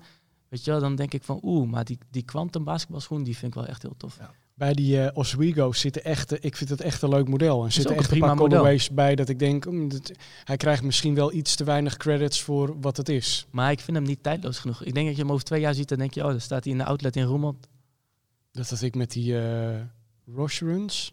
Ja, Oh, dat ja. was ook zo'n hype in dat was zo'n ding toen. Maar die lopen wel lekker, eerlijk is eerlijk. Dat was een beetje de eerste soort ultra boost-achtige zol, Ja. toch? Zo'n hoge. Ja, Daar heeft mijn voet nooit in gezeten. Oh. Ik heb ook niet schuldig aangemaakt. Nee. Tot slot, wat droom je nog van? nou, het, eh, ik heb niet zoveel dromen qua sneakers meer. Nee, ja, Geen New Balance. Of iets van Supreme of eh, iets van Cos. Nee, dat is niet mijn Iets van. Daniel Arsham. Nee. Ah, er zijn natuurlijk nog wat eh, Nike-modellen die ze nog wel eens, wat mij betreft, wel eens eh, zouden mogen retroen. Maar of we het gaan zien, ik weet het niet. Als je ziet eh, hoe slecht zeg maar, de, de laatste Nike Retro's het doen qua verkoop. Ik noem een, pak een Skylon of zo. Fantastische retro, maar Ja. zijn allemaal in een outlet beland. Dus dan vraag ik me af, ja, hoe, hoe lang gaat Nike dat nog doen? Voor wie Ja. doen ze dat dan? Weet je Ja, wel? zonde hè. Je Ze hebben echt zo'n fantastische backcatalog natuurlijk. Ik zou nog tig modellen aan kunnen vinken die ze voor mij mogen retroen. Maar ik weet het niet of ze dat, eh, hoe lang ze dat nog vol gaan blijven houden. Dat is een grote vraagteken.